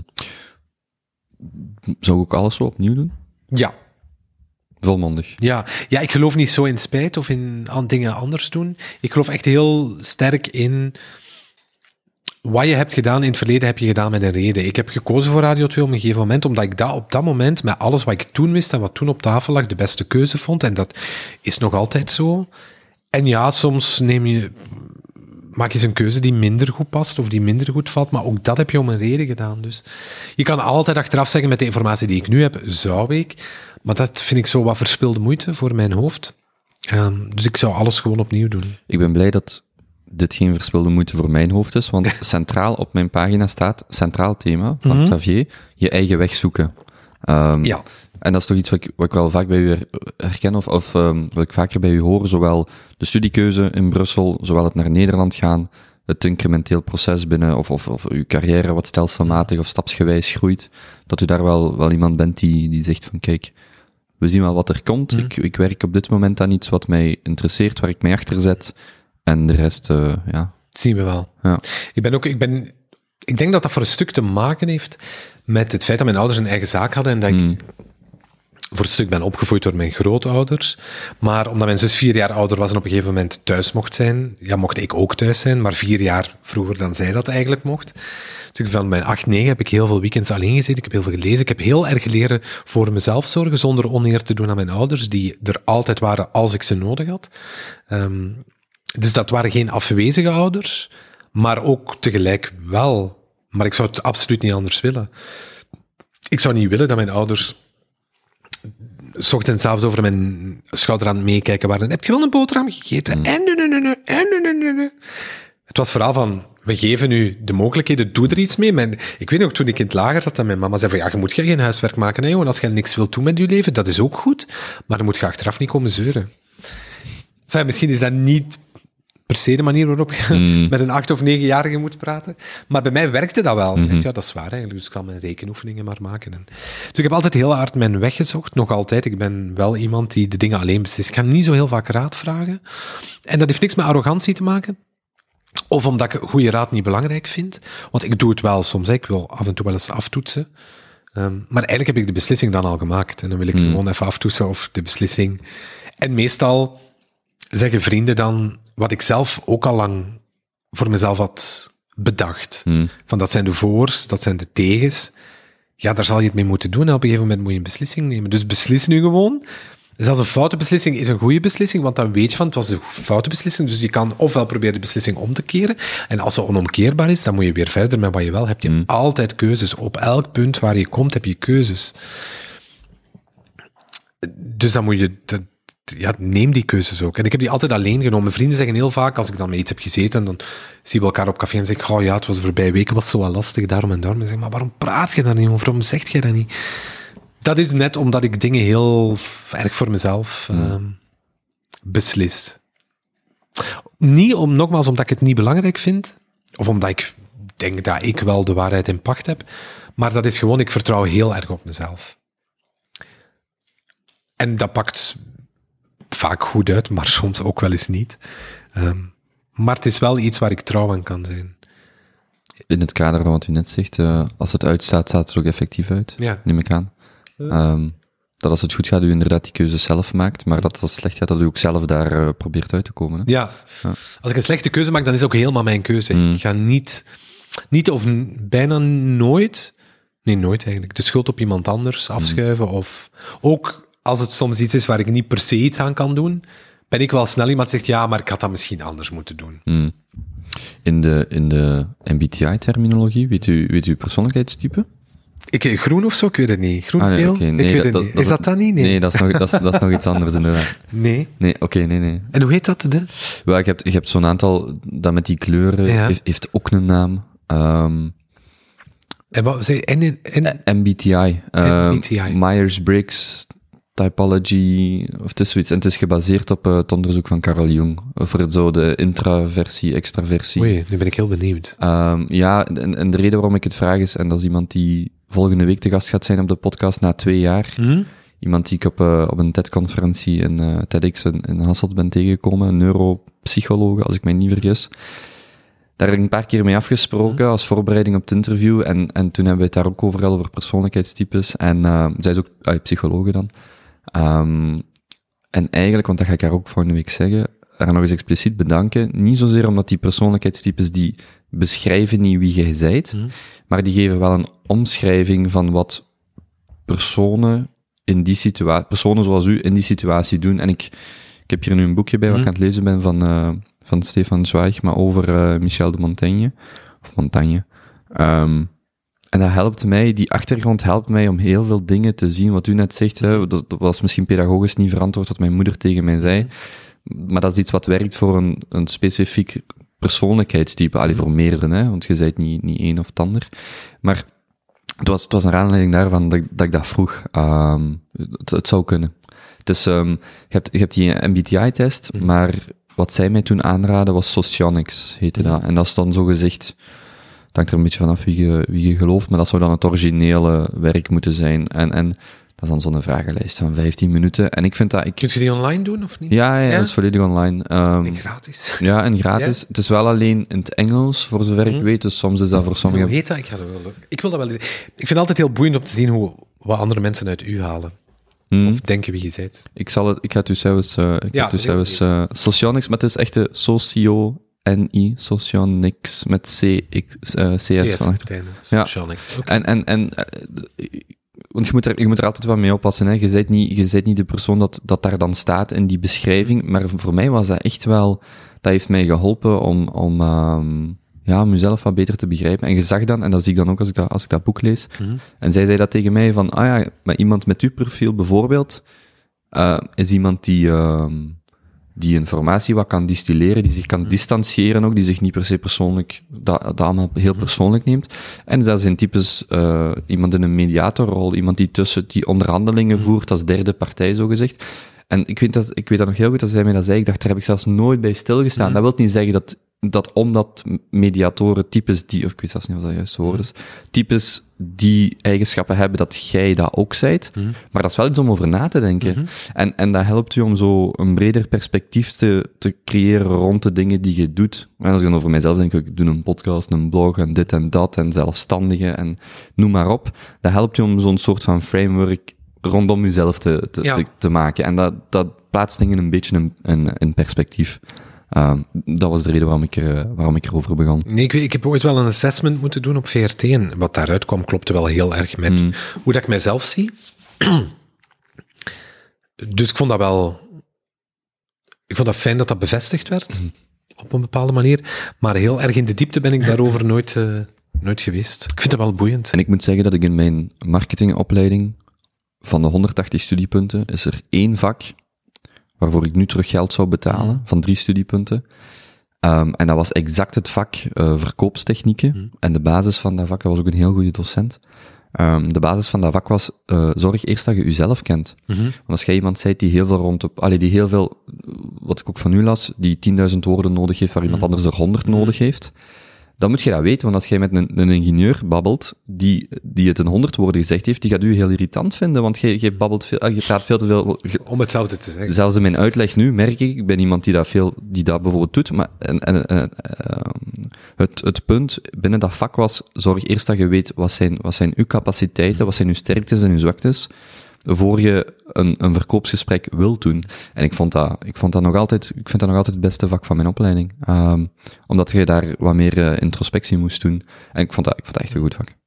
Um, ik moet ook de tijd in de gaten houden. Ik heb nog, ik heb nog eigenlijk heel wat dingen die ik wou bespreken. Oké, okay, mag ik een kleine pauze? Uh, ik moet plassen. Ja, ja, natuurlijk. Dat? dat? Dat, mag. Dat mag. liever zo dan het uh, tegenovergestelde. Ja. Voor de mensen die nu aan het wachten zijn, net zoals ik zelf, totdat Xavier terugkomt, mijn neefje Sverre doet mij eigenlijk enorm aan hem denken, of andersom. Zo in, uh, in guitigheid, in, uh, in, in manier van doen. Of um, als ik mij die twintig jaar ouder voorstel, dan, dan zie ik hetzelfde. Um, ja. Ik was ondertussen even tegen mijzelf aan het praten. Oké. Oké. Okay. Um, we hadden het nog niet over de slimste mens gehad, maar nu dat die voor mij zit, u bent trouwens de tweede die ik interview, Adile Larbi uh, ah, okay. is u voorgegaan als gast op de podcast, als de eerste slimste mens. Um, wat deed God op de zevende dag? Wat deed God op de zevende dag? Niks, denk ik, hè? Rusten, nee? De rustdag ja. uitvinden, toch? Ja. Ja. ja. ja. Ja, het is mij niet gegund. ik, ik, ik, ik, uh, ik ben... Um, de Bijbel of stukken van de Bijbel aan, aan, aan het herlezen. Uh, en ik, ik, ik kwam toen bij het programma De Zevende Dag in de Simpsons. Ik dacht, ik ga hem toch vragen. Ja. Maar, uh, zo katholiek ben ik dan wel nog opgevoed. Ja, zo, dat dan nog wel. Ja. Um, de Slimste Mens, dat is nu vier maanden geleden, vijf maanden, december. Ja, dat, december, hè, ja. December dat 2017 dat u mm -hmm. dat gewonnen heeft. Uh, hoe kijkt u daarop terug? Uh, als iets heel leuk. U zou, iets heel tof. U zou het opnieuw doen? Ik zou direct opnieuw meedoen, ja. Terwijl ik er op voorhand nog aan twijfelde. Um, maar van ja, dat verhaal is bekend. Ik, ik ben gevraagd om mee te doen, denk ik, twee dagen voor dat ik een heel zwaar ongeval had op de E40. En ik had, de maandag belden ze mij en ik dacht, ja, whatever. Ik bedoel, ik had ook eigenlijk al dood kunnen zijn, dus ik ga er gewoon aan meedoen. Mhm. Ehm, en toen de datum naderde, dacht ik, fuck. Ja, omdat, op zich, het is maar een quiz, ja, inderdaad. Maar als journalist, Het is een competitie, hè? het is een competitie en als journalist wordt er verwacht dat je veel weet en dat je het goed gaat doen en de, stakes are higher.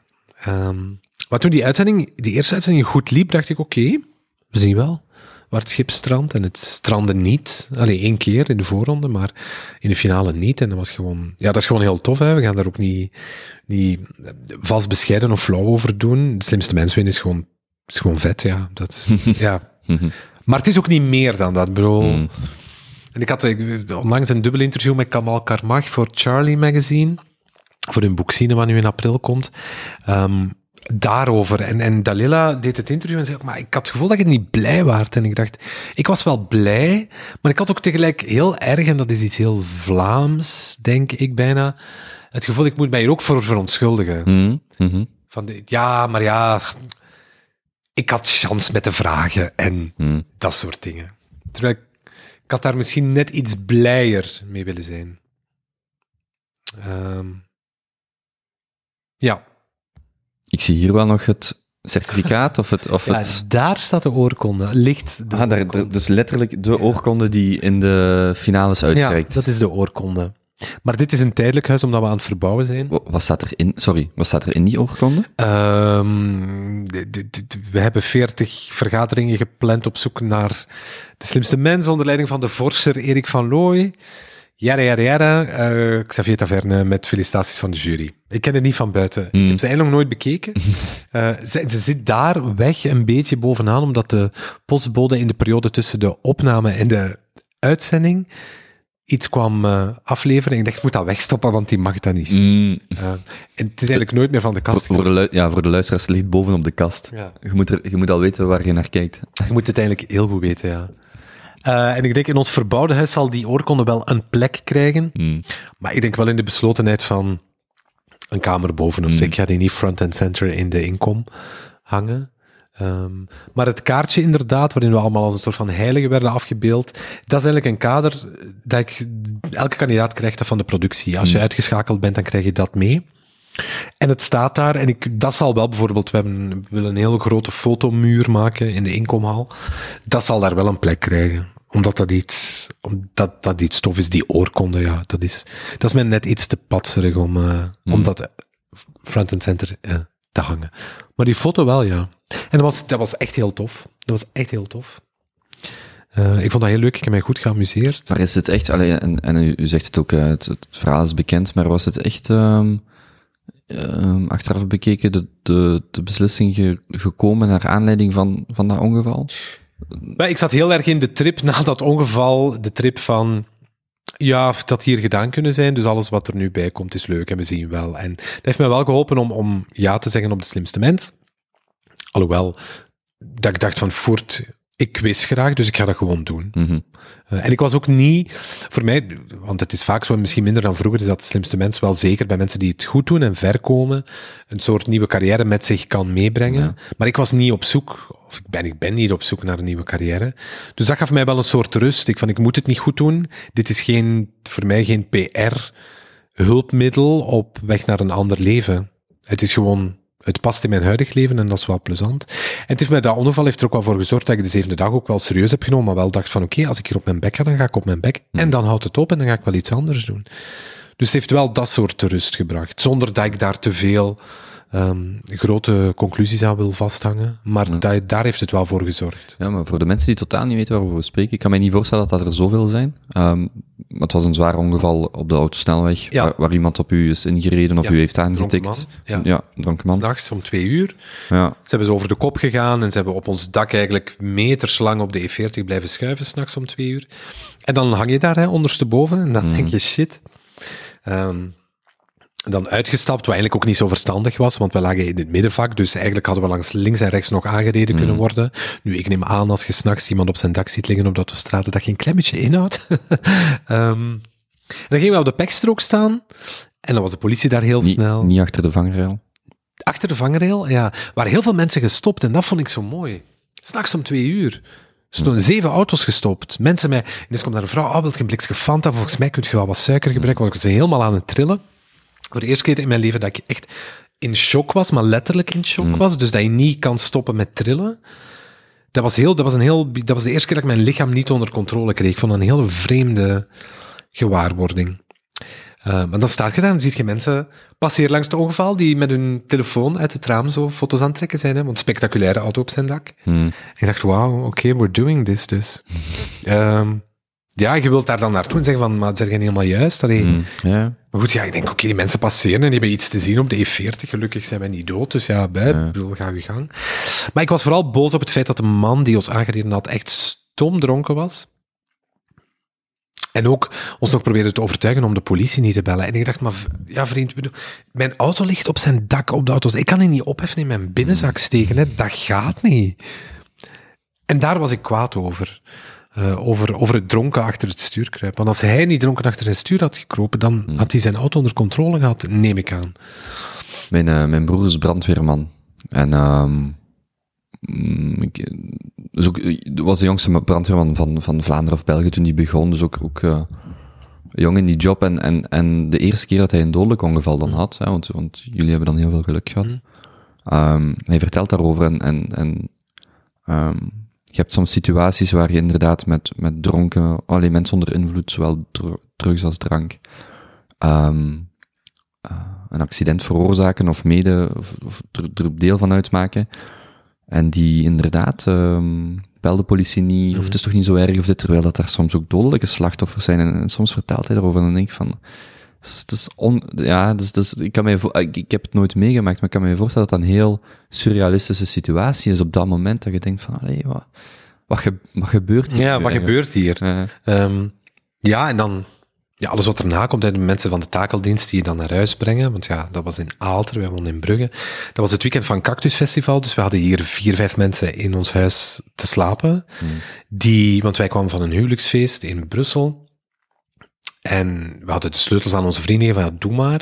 Maar je weet, we gaan nu naar huis, daar liggen vijf mensen stomdronken in de zetel. Ja, prima, bedoel, die zijn te voet van dat festival naar ons huis gekomen. Geen probleem, hè. doe Maar je wilt eigenlijk gewoon... maar je wilt echt geen dronken mensen Nee, rond u op dat moment. nee, nee, nee. Dus we zijn zo echt ons eigen huis trippel trippel binnengekomen. Ehm, en dan proberen te slapen, maar ja, dat ging natuurlijk niet. Hmm. Eh, maar de dag, ik ben vier uur later wel in de auto gestapt. In de, want het was mijn auto. En mijn partner heeft ook een auto. Dus zijn wij in zijn auto gestapt en zijn we onmiddellijk naar onze ouders gereden om te zeggen wat er gebeurd was. En dat heeft wel goed gedaan om onmiddellijk te blijven rijden met de auto. Ja, ja kan ik me voorstellen. Dus dat was, eh, dat was heftig, maar het overheerst niet alles meer. Ik, ik, het heeft wel veel langer in mijn lijf gezeten tijdens het rijden. Ik ben er nu echt helemaal vanaf. Maar wel tot makkelijk zo oktober, november, echt vier, vijf maanden, dat ik wel zo s'nachts altijd dacht, oh, doe me, als er maar niks gebeurt. Maar ik moet zeggen, omdat ik net heel veel met de auto rijd, ben ik er wel vanaf. Uh, Doe mij denken aan, eh, dat is een, een andere situatie, maar iemand die schreef, ehm, het boek heet We Learn, eh, We Learn Nothing. Het is van Tim Creeder of Tim Kreider. Maar hij beschrijft daar zijn, zijn bijna doodervaring, maar hij is gestoken, hij is in zijn hals gestoken geweest. Hij heeft dat overleefd. ehm, en, en hij schrijft eigenlijk over hoe, na zo'n zotte ervaring, een jaar later de dingen terug op zijn plaats vallen en, en hoe snel je weer terug in het ritme zit, terwijl je er eigenlijk evengoed niet meer had kunnen zijn. Of, wat misschien nog erger is, heel zware fysieke schade aan hebt overgehouden. Ik denk dat soms overlijden in zo'n accident dan nog voor uzelf eh, ehm, een, een betere, allee, als ik voor mijzelf spreek, eh, misschien nog, nog een betere uitkomst ja, het is. er een beetje vanaf hoe dat je eruit komt. Hè. Maar we Ja. learn nothing, dat is ook zo. Hè. Ik bedoel, ik ben niet meer bezig met dat ongeval. En het, beïnvloedt ook niet zo heel veel meer. Ook omdat dat voor mij ook ballast is weer. Als ik dat blijf meenemen, dan... pff, dat lijkt mij heel lastig. Maar ik kan me wel voorstellen dat u hier zelfs buiten gaat en het regent en, en denkt, ja, ik, ik, en denkt van shit, het regent of dit of weer. Denkt u dan niet van, had voor hetzelfde geld gewoon maar eens dood kunnen zijn? Nee, dat- niet meer. Niet meer. Nee. Daar heb ik... Nee, want... Maar allee, goed Het- voor u, hè? Ja, goed voor het u. krijgt, voor mij krijgt dat dan iets pathetisch. Ja, ja, ik ja, had ja. wel dood kunnen zijn. Ja, maar je zegt het niet. Dus shut the fuck up en get on with your life. ja. dat ben ik het leven dan ook wel schuldig nadat er zoiets gebeurt, Mm. vind ik. Ehm, nee, ik denk dat eigenlijk beslissen, af en toe gaat het nog eens door je hoofd, maar je kunt er ook niet te veel aan blijven. Mm. Ik denk, ja, er zijn zoveel mensen die een ongeval overleefd hebben. Hè. Ja. Dus ja, prima. Ik ga nu niet. eh, Maar dan, op dat moment, moest ik een aantal beslissingen nemen die toevallig rond die periode waren. En daarvan dacht ik dan wel, waar je dan makkelijker ja op zegt. Hè. Ja. De, de angst voor het onbekende bestaat dan eigenlijk ook niet, Ja. tijdelijk niet. Goed. Ehm, ik wil u nog een paar snelle vragen stellen Mhm. voordat we afronden. Ehm, wie zou u nog graag willen ontmoeten? Dat is een heel goede vraag.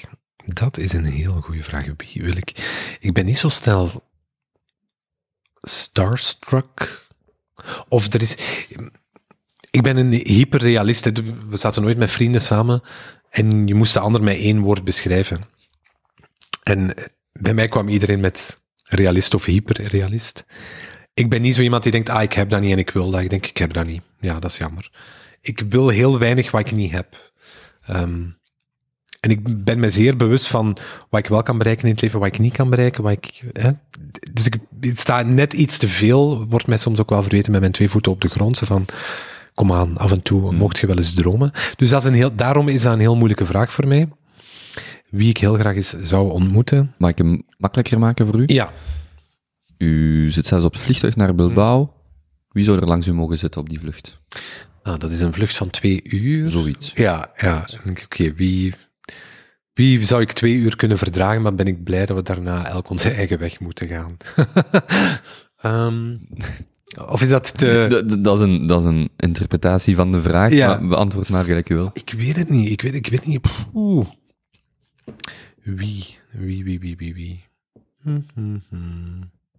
De vraag is, ja, je kunt wel afspreken met iemand, maar is de voorwaarde dan ook dat de, de ander...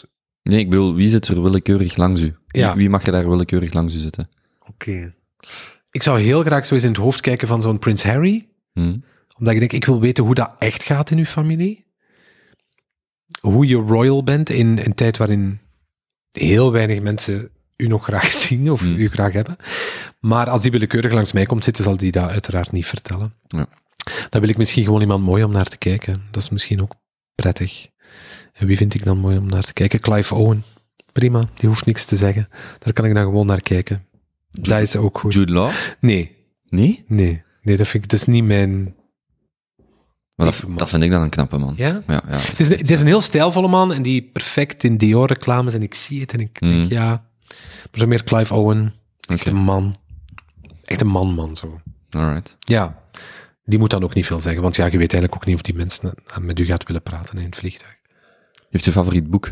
Mm. Favoriete boeken? Ik las uw boeken top 5 of de top 5 die u voor de VRT heeft eh, samengesteld. Dat zijn een paar boeken die, die voor mij wel een rol hadden. Ik ben geen... Ja, want, want u zei daar, want u zei daar eh, het gaat niet zozeer, dit zijn niet zozeer boeken die ik iedereen per se aanraad, maar het zijn eerder boeken die op mij een belangrijke, Ja. of een, een impact hebben gehad op een belangrijk moment in Ja. mijn leven. Ja. Ja, dus meer, meer dat. Ik ben ook geen groot, grote lezer, net omdat ik mentale rust moet hebben voor ik plek heb in mijn hoofd om een boek te lezen en om die personages toe te laten en dat verhaal toe te laten. Dus ik lees niet zo heel veel, dat gebeurt eigenlijk alleen op vakantie. Maar eh, ja, een boek wat voor mij heel, heel belangrijk is geweest en eh, wat eigenlijk al langer belangrijk is dan de film waar de hele hype nu rond gaat, dat is Call Me By Your Name van Andre Assiman. Ja, ik vind dat een heel belangrijk boek, omdat dat een boek is dat ik had willen lezen toen ik zelf 16 was. Ehm, dat had misschien mijn outingproces wel wat versneld. Ehm, terwijl ik er nu pas... Ik heb er nooit over gelogen tegen mezelf, maar ik pas eigenlijk helemaal uit was toen ik echt een man kuste en ik 21 was. Dat ik dacht, ah ja, hm, al die vermoedens die ik had, die zijn... Dat klopt nu dus wel. Terwijl ik had dat boek misschien gelezen, waarin, waarin twee mannen verliefd worden op elkaar. En dat wordt dus niet voorgesteld als een probleem. En dat vind ik een, iets heel sterk. Want in heel veel literatuur zijn twee mannen die op elkaar vragen, het mag niet en het moet weggestopt worden, het moet in de kelder of het moet in de zolder, of ze worden geslacht of ze worden opgehangen, of de ouders gooien de kinderen buiten, of en dan denk je, wauw, dat is zo vermoeiend als je met die gevoelens zit op je zestiende en alles wat je daarover leest wijst richting negatief. Ja, natuurlijk dat je met je verhaal blijft zitten, maar Call Me By Your Name is een verhaal van twee mannen, jongens die verliefd worden en it's okay. En dat vond ik daar zo sterk aan. Maar dat heeft heel erg persoonlijk met mijn verhaal te maken. Mijn outing die ook probleemloos was. Maar wel een boek wat ik graag had gelezen als ik wat jonger was geweest. Ja. Ehm, dus dat, ja. De, de seksualiteit of homoseksualiteit, want dat is precies zo, dat, dat, dat duwt het precies in een hokje, was een van de thema's waar ik ook nog graag over wou spreken, Mhm. maar eh, er was te veel, er was tot nu toe, ik, ik denk nu van, ah ja, shit, ik had mijn tijd eigenlijk beter moeten indelen, Mhm. Ehm, om, daar, om daar ook Maar het nog- mag hoor. Ja, ik, ik, ik, vraag mij, ik, ik vroeg mij af, ehm, stel dat mijn, mijn eh, zoon of dochter, Hm. 12 jaar, 15 jaar, be- begint puberteit Mhm. ongeveer, hoe, hoe zou u zeggen dat een, dat, een, dat een ouder daarmee omgaat? Vraag ik mij nu af. En ik begrijp dat u zelf ook geen kinderen heeft, maar u bent wel in de situatie geweest waarin, waarin u met die vragen zat, of met die, met die, niet met die vragen, maar gewoon met die vaststellingen. Ik weet ook niet of dat echt de juiste vraag is om te stellen, maar ik vraag, ik vraag me dat wel af, omdat dat voor mij iets is wat ik mij, mij niet zo direct kan voorstellen. Hoe, hoe gaat je daar überhaupt mee om? Goeie vraag. Ik weet dat niet. In de beste der werelden is het geen issue. En moet het ook zelfs niet besproken worden. Hm, En dan kom je thuis en zeg van ja, ik heb een lief. En dan blijkt dat een jongen of een meisje te zijn. Ehm, ook prima. Maar het hoeft niet besproken te worden. Het is gewoon, het is nogal een heel proces. Hè. Eh, mijn zus is hetero. Die heeft dat, door, dat proces ook niet moeten doorlopen. Ehm, maar goed, alles wat afwijkt van de norm of van het normale moet uitgelegd worden en moet. Hè. Ehm, dus ik hoop dat we op een punt komen dat dat niet meer moet en dat dat ook gewoon heel. Ah ja, oké, ja, ça va, prima. Een beetje dat is. Maar hoe je daar als ouder mee moet omgaan, ik weet het niet, want ik heb geen kinderen.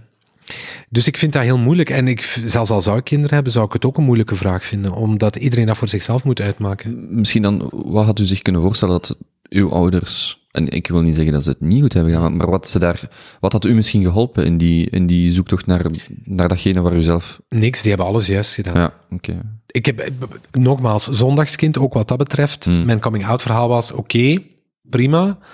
Het is zo. Uh, ik moet daar een nachtje over slapen. En de dag erna was dat helemaal in orde. En wat ik daar ook zo fantastisch aan vind, is ze hebben er waarschijnlijk meer moeite mee gehad dan ik denk. Maar ze hebben dat nooit laten blijken, Hmm. dus ik weet Ja. dat niet. Um, en het is ook nooit meer besproken geweest. Dus we hebben, ik heb dat gezegd, dat was zo. Als mensen daarnaar vroegen, dan werd dat ook naar waarheid beantwoord. En ik had een lief en voilà, die was welkom. Maar dat was een, dat was nooit, we hebben daar nooit over gepraat van, en hoe is dat nu, en dat is toch speciaal, en dat is Mhm. toch anders? Nee, ik heb dat meegedeeld. Was, ze hebben gezegd, het is oké voor ons. Of dat echt zo was, dat zal ik nooit... Enfin, ik kan dat wel vragen, maar dan zullen ze dat waarschijnlijk toch... Hè? Maar ik... Ja, voor mij was dat... Een, ze hadden niks anders kunnen En er doen. zullen, er zullen nog dingen zijn die je als ouder niet per se van je kind wilt, maar die je ofwel op dat moment, eh, ik vind tolereren geen mooi woord, Mhm. maar ik, ik kan me voorstellen dat mijn ouders heel veel van mijn studies bijvoorbeeld getolereerd Mhm. hebben en er inderdaad niet echt letterlijk van hebben gezegd wat ze dachten. Dus allee, ik denk dat ook niet dat dat... Nee, nee, dat, is- ik, ik, ik denk dat je als ouder gewoon je kind zoveel mogelijk, en dat geldt niet alleen voor je outing, maar voor alles, hè, ook keuze van studies, keuze Mm. van vrienden waar je het soms niet mee eens bent. Ik denk dat je je kinderen een kader kan meegeven. Een kader van normen en waarden, hè, wat je doorheen de jaren binnen als huisregels hebt opgesteld. Van kijk, dat kan, dat kan niet, daarom. En ook uitleggen waarom dat je dat doet. Ehm, maar soms dingen gewoon ook opleggen. Eh, en zeggen van, kijk, nee, dat, dat is iets wat wij gewoon niet doen in dit Mhm. huis. Dat je gewoon een norm- en waardekader meegeeft. En dan is het aan je kind om daarin te bepalen. kan je zeggen van, kijk, ik stel mij gewoon vragen bij een aantal dingen, daarom en daarom en daarom. Het is jouw beslissing. Als jij er gelukkig van wordt, ik kan jouw geluk niet bepalen. Maar nu ben ik de hele onthechte ouder die, dat, die zelf geen kinderen heeft en die denkt, Hmm. Ja, ah, ik zou het zo doen. Maar ik denk, dat is het enige wat je kan doen. En ik denk, alles wat je meer probeert te doen, gaat contraproductief zijn, omdat je dan te hard je best aan het doen bent. Om, ik weet het niet. Ik denk dat, ik denk dat ouderschap ook gewoon dag per dag is. Hmm. En soms doet je het eens goed en soms doet je het eens slecht. Misschien weg, weg van het ouderschap dan, zijn er, eh ehm krijgt u er veel vragen rond? Van, Nee. Nee. Nee, helemaal niet. En, en fijn, toen met de slimste mensen waren er wel wat interviews. En Misschien, ik, ik, want misschien moet ik dat nog kaderen. Niet alleen vragen van mensen die heteroseksueel zijn, maar krijgt u bijvoorbeeld vragen van jongere mensen? Die, Nee. die in die, nee, oké. Nee, men, ik krijg in mijn mailbox wel eens wat, wat vragen. Maar dat gaat meestal over, ah, heb je een lief of heb je een partner? Of, Mm, mhm. Ehm, ja, eh, ik heb een partner al negen jaar. We zijn ook heel gelukkig. Ehm enfin, ik zeg dat daar nu bij, alsof ik mensen moet overtuigen Ja, nee, nee, ja. Negen jaar samen en dat gaat goed. Of dat gaat goed. En, ehm, maar dat soort vragen, maar geen, niet van jongeren. Ehm, en ik had onlangs, eigenlijk twee dagen geleden nog een, een, een, een discussie met een, uh, met een man van, ik denk bijna 80, die ook homo is. Die zei van, ja, maar je bent een rolmodel, Xavier. En ik denk, maar dat is helemaal niet waar. Ik ben geen rolmodel. Um, hij zegt, ja, maar jawel. Want je stopt het niet weg. Het is gewoon, als het ter sprake komt, is dat ja, mijn man dit en mijn man dat. En prima, en dat passeert. Maar er zijn wel 10, 14, 16-jarigen die naar u kijken, naar u luisteren en denken, ah ja, maar je kunt dus ook een, dat soort pad bewandelen. Dus ik ben zonder dat ik het... Want daar een heel discussie over en dacht ja, ik ben misschien wel een rolmodel, maar zonder dat ik dat dan zelf heb benoemd of heb opgezocht. Maar ik heb daar ook geen probleem mee. Ik ben blij dat ik dat zou kunnen doen als ik het leven van 1, 14, 16-jarige makkelijker kan maken. Hmm. Door gewoon te zijn wie ik ben. Ja, dat is toch fantastisch. Dan denk ik, wauw prima. En ja, mail mij gerust, ik wil gerust. Maar op een gegeven moment moet je een stuk van de weg wel alleen afleggen. Mm -hmm. Kan wel een luisterend oor zijn. Maar ja, er komt, want het, ja, dat is een van die momenten dat je naakt in het leven staat, waarin je toch zelf moet gaan zeggen van kijk, ja, het is zo. En dan kan iedereen nog rond je staan. Dan... Wel, wel um, denk ik, allee, ik, ik, kan niet van we spreken, want ik heb daar, ik heb daar geen contact mee. Maar ik denk dat het in België, West-Europa, dat we daar nog in verhouding met de rest van de wereld nog, uh, ja, eigenlijk heel, heel open, heel normaal, zoals het ook zou moeten zijn, mee omgaan. Mm. Kan me daar, of, uh, ik denk dat ze dat thuis vroeger tegen mij ook zeiden. Eigenlijk maakt ons dat allemaal niet uit, mm. wat of hoe. Um, maar dat moet je misschien wel eens horen ook, en dat is wat ja. ook. En, en daarin wat u ook zegt, hè, gewoon al het feit dat, ik denk voor 98% van de mensen gaat het, gaat het daar niet om, mm. maar voor die, die 2% die dat wel belangrijk vindt, dat er bijvoorbeeld een homoseksuele presentator, of een presentator mm. die ook een, eh, een, een, mannelijke partner heeft, ja, dat is zo. Hè. En ik heb, um, want ik wil echt, ik wil u, ik, wil uw mm. tijd respecteren, maar ik vond dat, ik heb uh, een jaar in Hamburg gewerkt, stage gedaan bij een bedrijf, bij een uh, uitwisselingsorganisatie. En zij hadden op hun aanmeldformulier uh, bij geslacht stond mannelijk, vrouwelijk en anders of een derde mm -hmm. optie. En ik weet dat ik toen mijn, mijn, mijn bazin of, of uh, teamleader heb aangesproken en ik zeg, maar kijk, niemand vult dat ooit in. Mm -hmm. Ik heb dat nog nooit gezien op een jaar, op die duizend uh, inschrijvingen. Waarom staat dat er eigenlijk bij? En zij zegt, kijk, het, het gaat, ook al is dat maar één persoon op duizend dat dat invult, alle duizend zien ze die keuze. Mm -hmm. En misschien bij 1, 2 op de 10 denken die gewoon eens twee seconden na van, ah ja, er zijn ook mensen die zich niet onder mannelijk en vrouwelijk mm. categoriseren mm. of voelen. Ze zegt, en dat is de reden waarom dat, dat er staat. Niet louter, ook natuurlijk, om de mensen die dat zouden aanduiden, die die kans te geven. Maar het gaat er ook om, om gewoon een signaal te geven naar, kijk, Mhm. Dit, is, dit is waar wij voor staan, die inclusie binnen dat programma. En dat wil ook zeggen dat er inderdaad mensen zijn met, met andere voorkeuren. Dan, het ging dan ook over diëtaire voorkeuren, allee, over al die dingen. En ik vond dat toen, want ik weet dat ik voor dat gesprek echt dacht van, maar allee, dat is toch, dat is toch nuttig, allee, dat, mhm. dat brengt toch niks bij. En dan zei dat zo, zei ja, maar het, het, wat het bijbrengt is dat het, als het maar één persoon doet nadenken over het feit dat dat wel een realiteit is voor sommige mensen. En ik vond dat, ik vond dat wel heel sterk dat dat, dat dat de reden daarachter Maar het is ook gewoon het zien van wat er leeft en wat dat er is, wat de, de, de awareness daarover vergroot. Inderdaad, Allee, ik vind dat een heel goed denkpiste dat je zegt van, ja, ik, we zetten het daar, daarom moet je het niet invullen. Of daarom, je hoeft er ook niet actief deel van uit te mm. maken. Hè? Een programma als MVX op 1 bijvoorbeeld vind ik heel sterk. Ik heb het niet gezien, omdat het mij als onderwerp niet zo boeit. Ik, ik, omdat ik denk ik gewoon in mijn denkproces ik laat heel veel passeren. Ik ben ook niet iemand die voor heel veel dingen moeilijk doet. Ik laat misschien te veel. Maar ik denk, ja, MVX prima, tuurlijk. Mm -hmm. Maar ik hoef het programma niet te zien. Maar ik denk dat het er is, ja. is, wel, een sterk, is wel een sterk signaal. Um, ik ga je nog twee vragen stellen. Mm -hmm. Welk middelbaar vak, vak zou u verplichten? Psychologie. Nee, wacht. Ik trek dat terug. ik, ga twee, ik ga twee andere vragen ja. kiezen. Hoe ziet een romantische avond met Xavier eruit? Oei, oei. Oh. Uh, een romantische avond. Uh, dat is een avond zonder telefoon. Sowieso, dat is de allereerste voorwaarde. Ik ben daar zelf heel slecht in, maar dat vind ik wel een absolute voorwaarde. Romantische avond. Um, ik eet heel graag. Ik eet heel graag een heel lekker. Ik kan ook echt geld uitgeven aan lekker gaan eten. Het zijn van de weinige dingen waar ik heel veel geld aan kan uitgeven. Behalve mijn huis. Um, maar dat heeft gewoon te maken met het feit dat ik samen ben met een grafisch vormgever en een meubelmaker, dus ik heb weinig keuze wat dat betreft. Nee, uh, graag eten. Veel eten. Nee, veel hoeft niet per se. Graag lekker eten. Uh, goede wijn. Wandelen. Ik vind het wel mooi om op zo zo na het eten ook nog zo eens twee uur te gaan wandelen. Enfin, niet als het regent, hè. Alhoewel, dat kan ook wel iets hebben, maar, uh, maar gewoon zo, ja. Mentale rust, dat is voor mij romantisch. Als ik mentale rust heb, dan kan ik die avond ook veel beter toelaten. Met iemand die mij ook die mentale rust geeft en waarvan ik denk, ah, ja, ik kan gewoon zijn wie ik wil. En, en dus het heeft te maken met, met wie dat dan is. Dat, dus enfin, in dit geval met mijn lief. Um, lekker gaan eten, een beetje babbelen over van alles. En dan zo niet dronken zijn, maar zo. En tipsy vind ik een verschrikkelijk woord, maar zo beneveld zijn. Dat je denkt, ah, als ik nu straks sterf of in slaap valt, is alle twee goed. Maakt mij niet uit. Um, en dat vind ik, dat is voor mij een, leuke avond. Gewoon weg ook uit het huis. Ik denk dat dat belangrijk is, dat je, dat je af en toe verdwijnt uit je omgeving. Als je thuis zit, dan begin je weer te praten over hè, wanneer de kuisvrouw komt. Ik denk als je buiten het huis gaat, um, dan lekker eten, mentale rust, met mijn lief. En zo mooi beneveld de avond eindigen. Ah, ja. Dat is voor mij mooi. Dat is, ik, ik vraag niet veel, denk ik. Het hoeft niet altijd groot te zijn. Uh, maar tijd, tijd is heel belangrijk. Als u 30 seconden hebt voor een boodschap van algemeen nut, wat deelt u dan met uw landgenoten? Oeh, um, luister naar andere mensen. Probeer. Um, ik ga daar opnieuw mee beginnen. Um, ik, heb, ik heb dat al een paar keer verteld nu, de, de, dit verhaal, maar dat is gewoon Eva Jinek, die in Nederland een prijs wint. Eh, die had dat nooit gedacht, want ze, moest zich, ze moest iemand anders zijn. Um, beste presentatrice. Ja, beste presentatrice. Zilveren televisiester vrouw heet dat dan. Um, zijn haar dankspeech...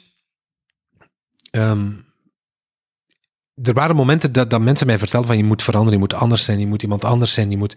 Nee, en dus mijn 30 seconden advies zijn vooral blijf heel trouw aan jezelf, maar doe ook niemand pijn in dat proces. Probeer gewoon trouw te zijn aan wie je bent. Probeer te luisteren naar anderen. Probeer uh, in dialoog te gaan. Probeer te weten waarom iemand het misschien niet eens is met jou. Maar je hoeft er ook niet per se aan toe te geven. Je kan ook een ander pad kiezen. Je moet niet altijd de grote confrontatie aangaan. Probeer trouw te zijn aan jezelf. Zoek heel goed uit wanneer je geluk wil en wanneer je gelijk wil. Um, want die twee kunnen elkaar geweldig in de weg zitten. Dus ga niet de strijd aan voor echt iets waarvan je denkt, oh, ben ik daar nu een strijd voor aangegaan? Je hebt je energie voor andere dingen nodig. Dus gewoon trouw zijn aan jezelf. Niet al te brusk alles afduwen. Probeer goed te luisteren naar anderen, waarom zij vinden wat ze vinden. Je hoeft het daar niet mee eens te zijn, dan kan je die mensen ook vermijden in de toekomst. Maar probeer op zijn minst wel te begrijpen waarom iemand denkt wat hij denkt. En denk gewoon goed na, wil ik hier nu geluk uithalen of gelijk uithalen? Voilà. Dan ga ik u bij deze hartelijk bedanken. Graag gedaan. Nog vragen waar mensen u kunnen vinden online? Waar, waar mensen kunnen mij vinden op, uh, alles is fonetisch, Xavier, K-S-A-V-J-E-E, Xavier op Twitter, Xavier op Instagram, Xavier op Facebook. Op de Gouden Gids. En, de, ja, nee. Ja, sta ik op de Gouden Gids? Ik dacht dat het de naam van uw bedrijf was. Ja, dat is ook de naam van mijn bedrijf. Staat hij in de Gouden Gids? Dat wist ik uh, Zou kunnen. Zou erop moeten staan, ik zou het zo zeggen. ja, dus okay. Xavier. Overal, overal. Overal, overal Xavier. Dat is lekker handig. Ja. ja. Goed, um, Xavier, ik vond het superleuk. Ik ook. Um, ja, bedankt hiervoor. Ja, jij bedankt. Fijne dag nog. Dank u.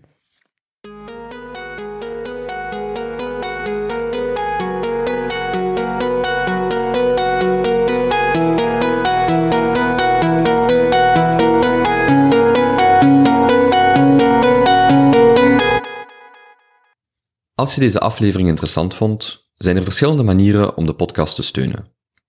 Je kan een review achterlaten op iTunes of een andere podcastspeler, of een opmerking op YouTube plaatsen.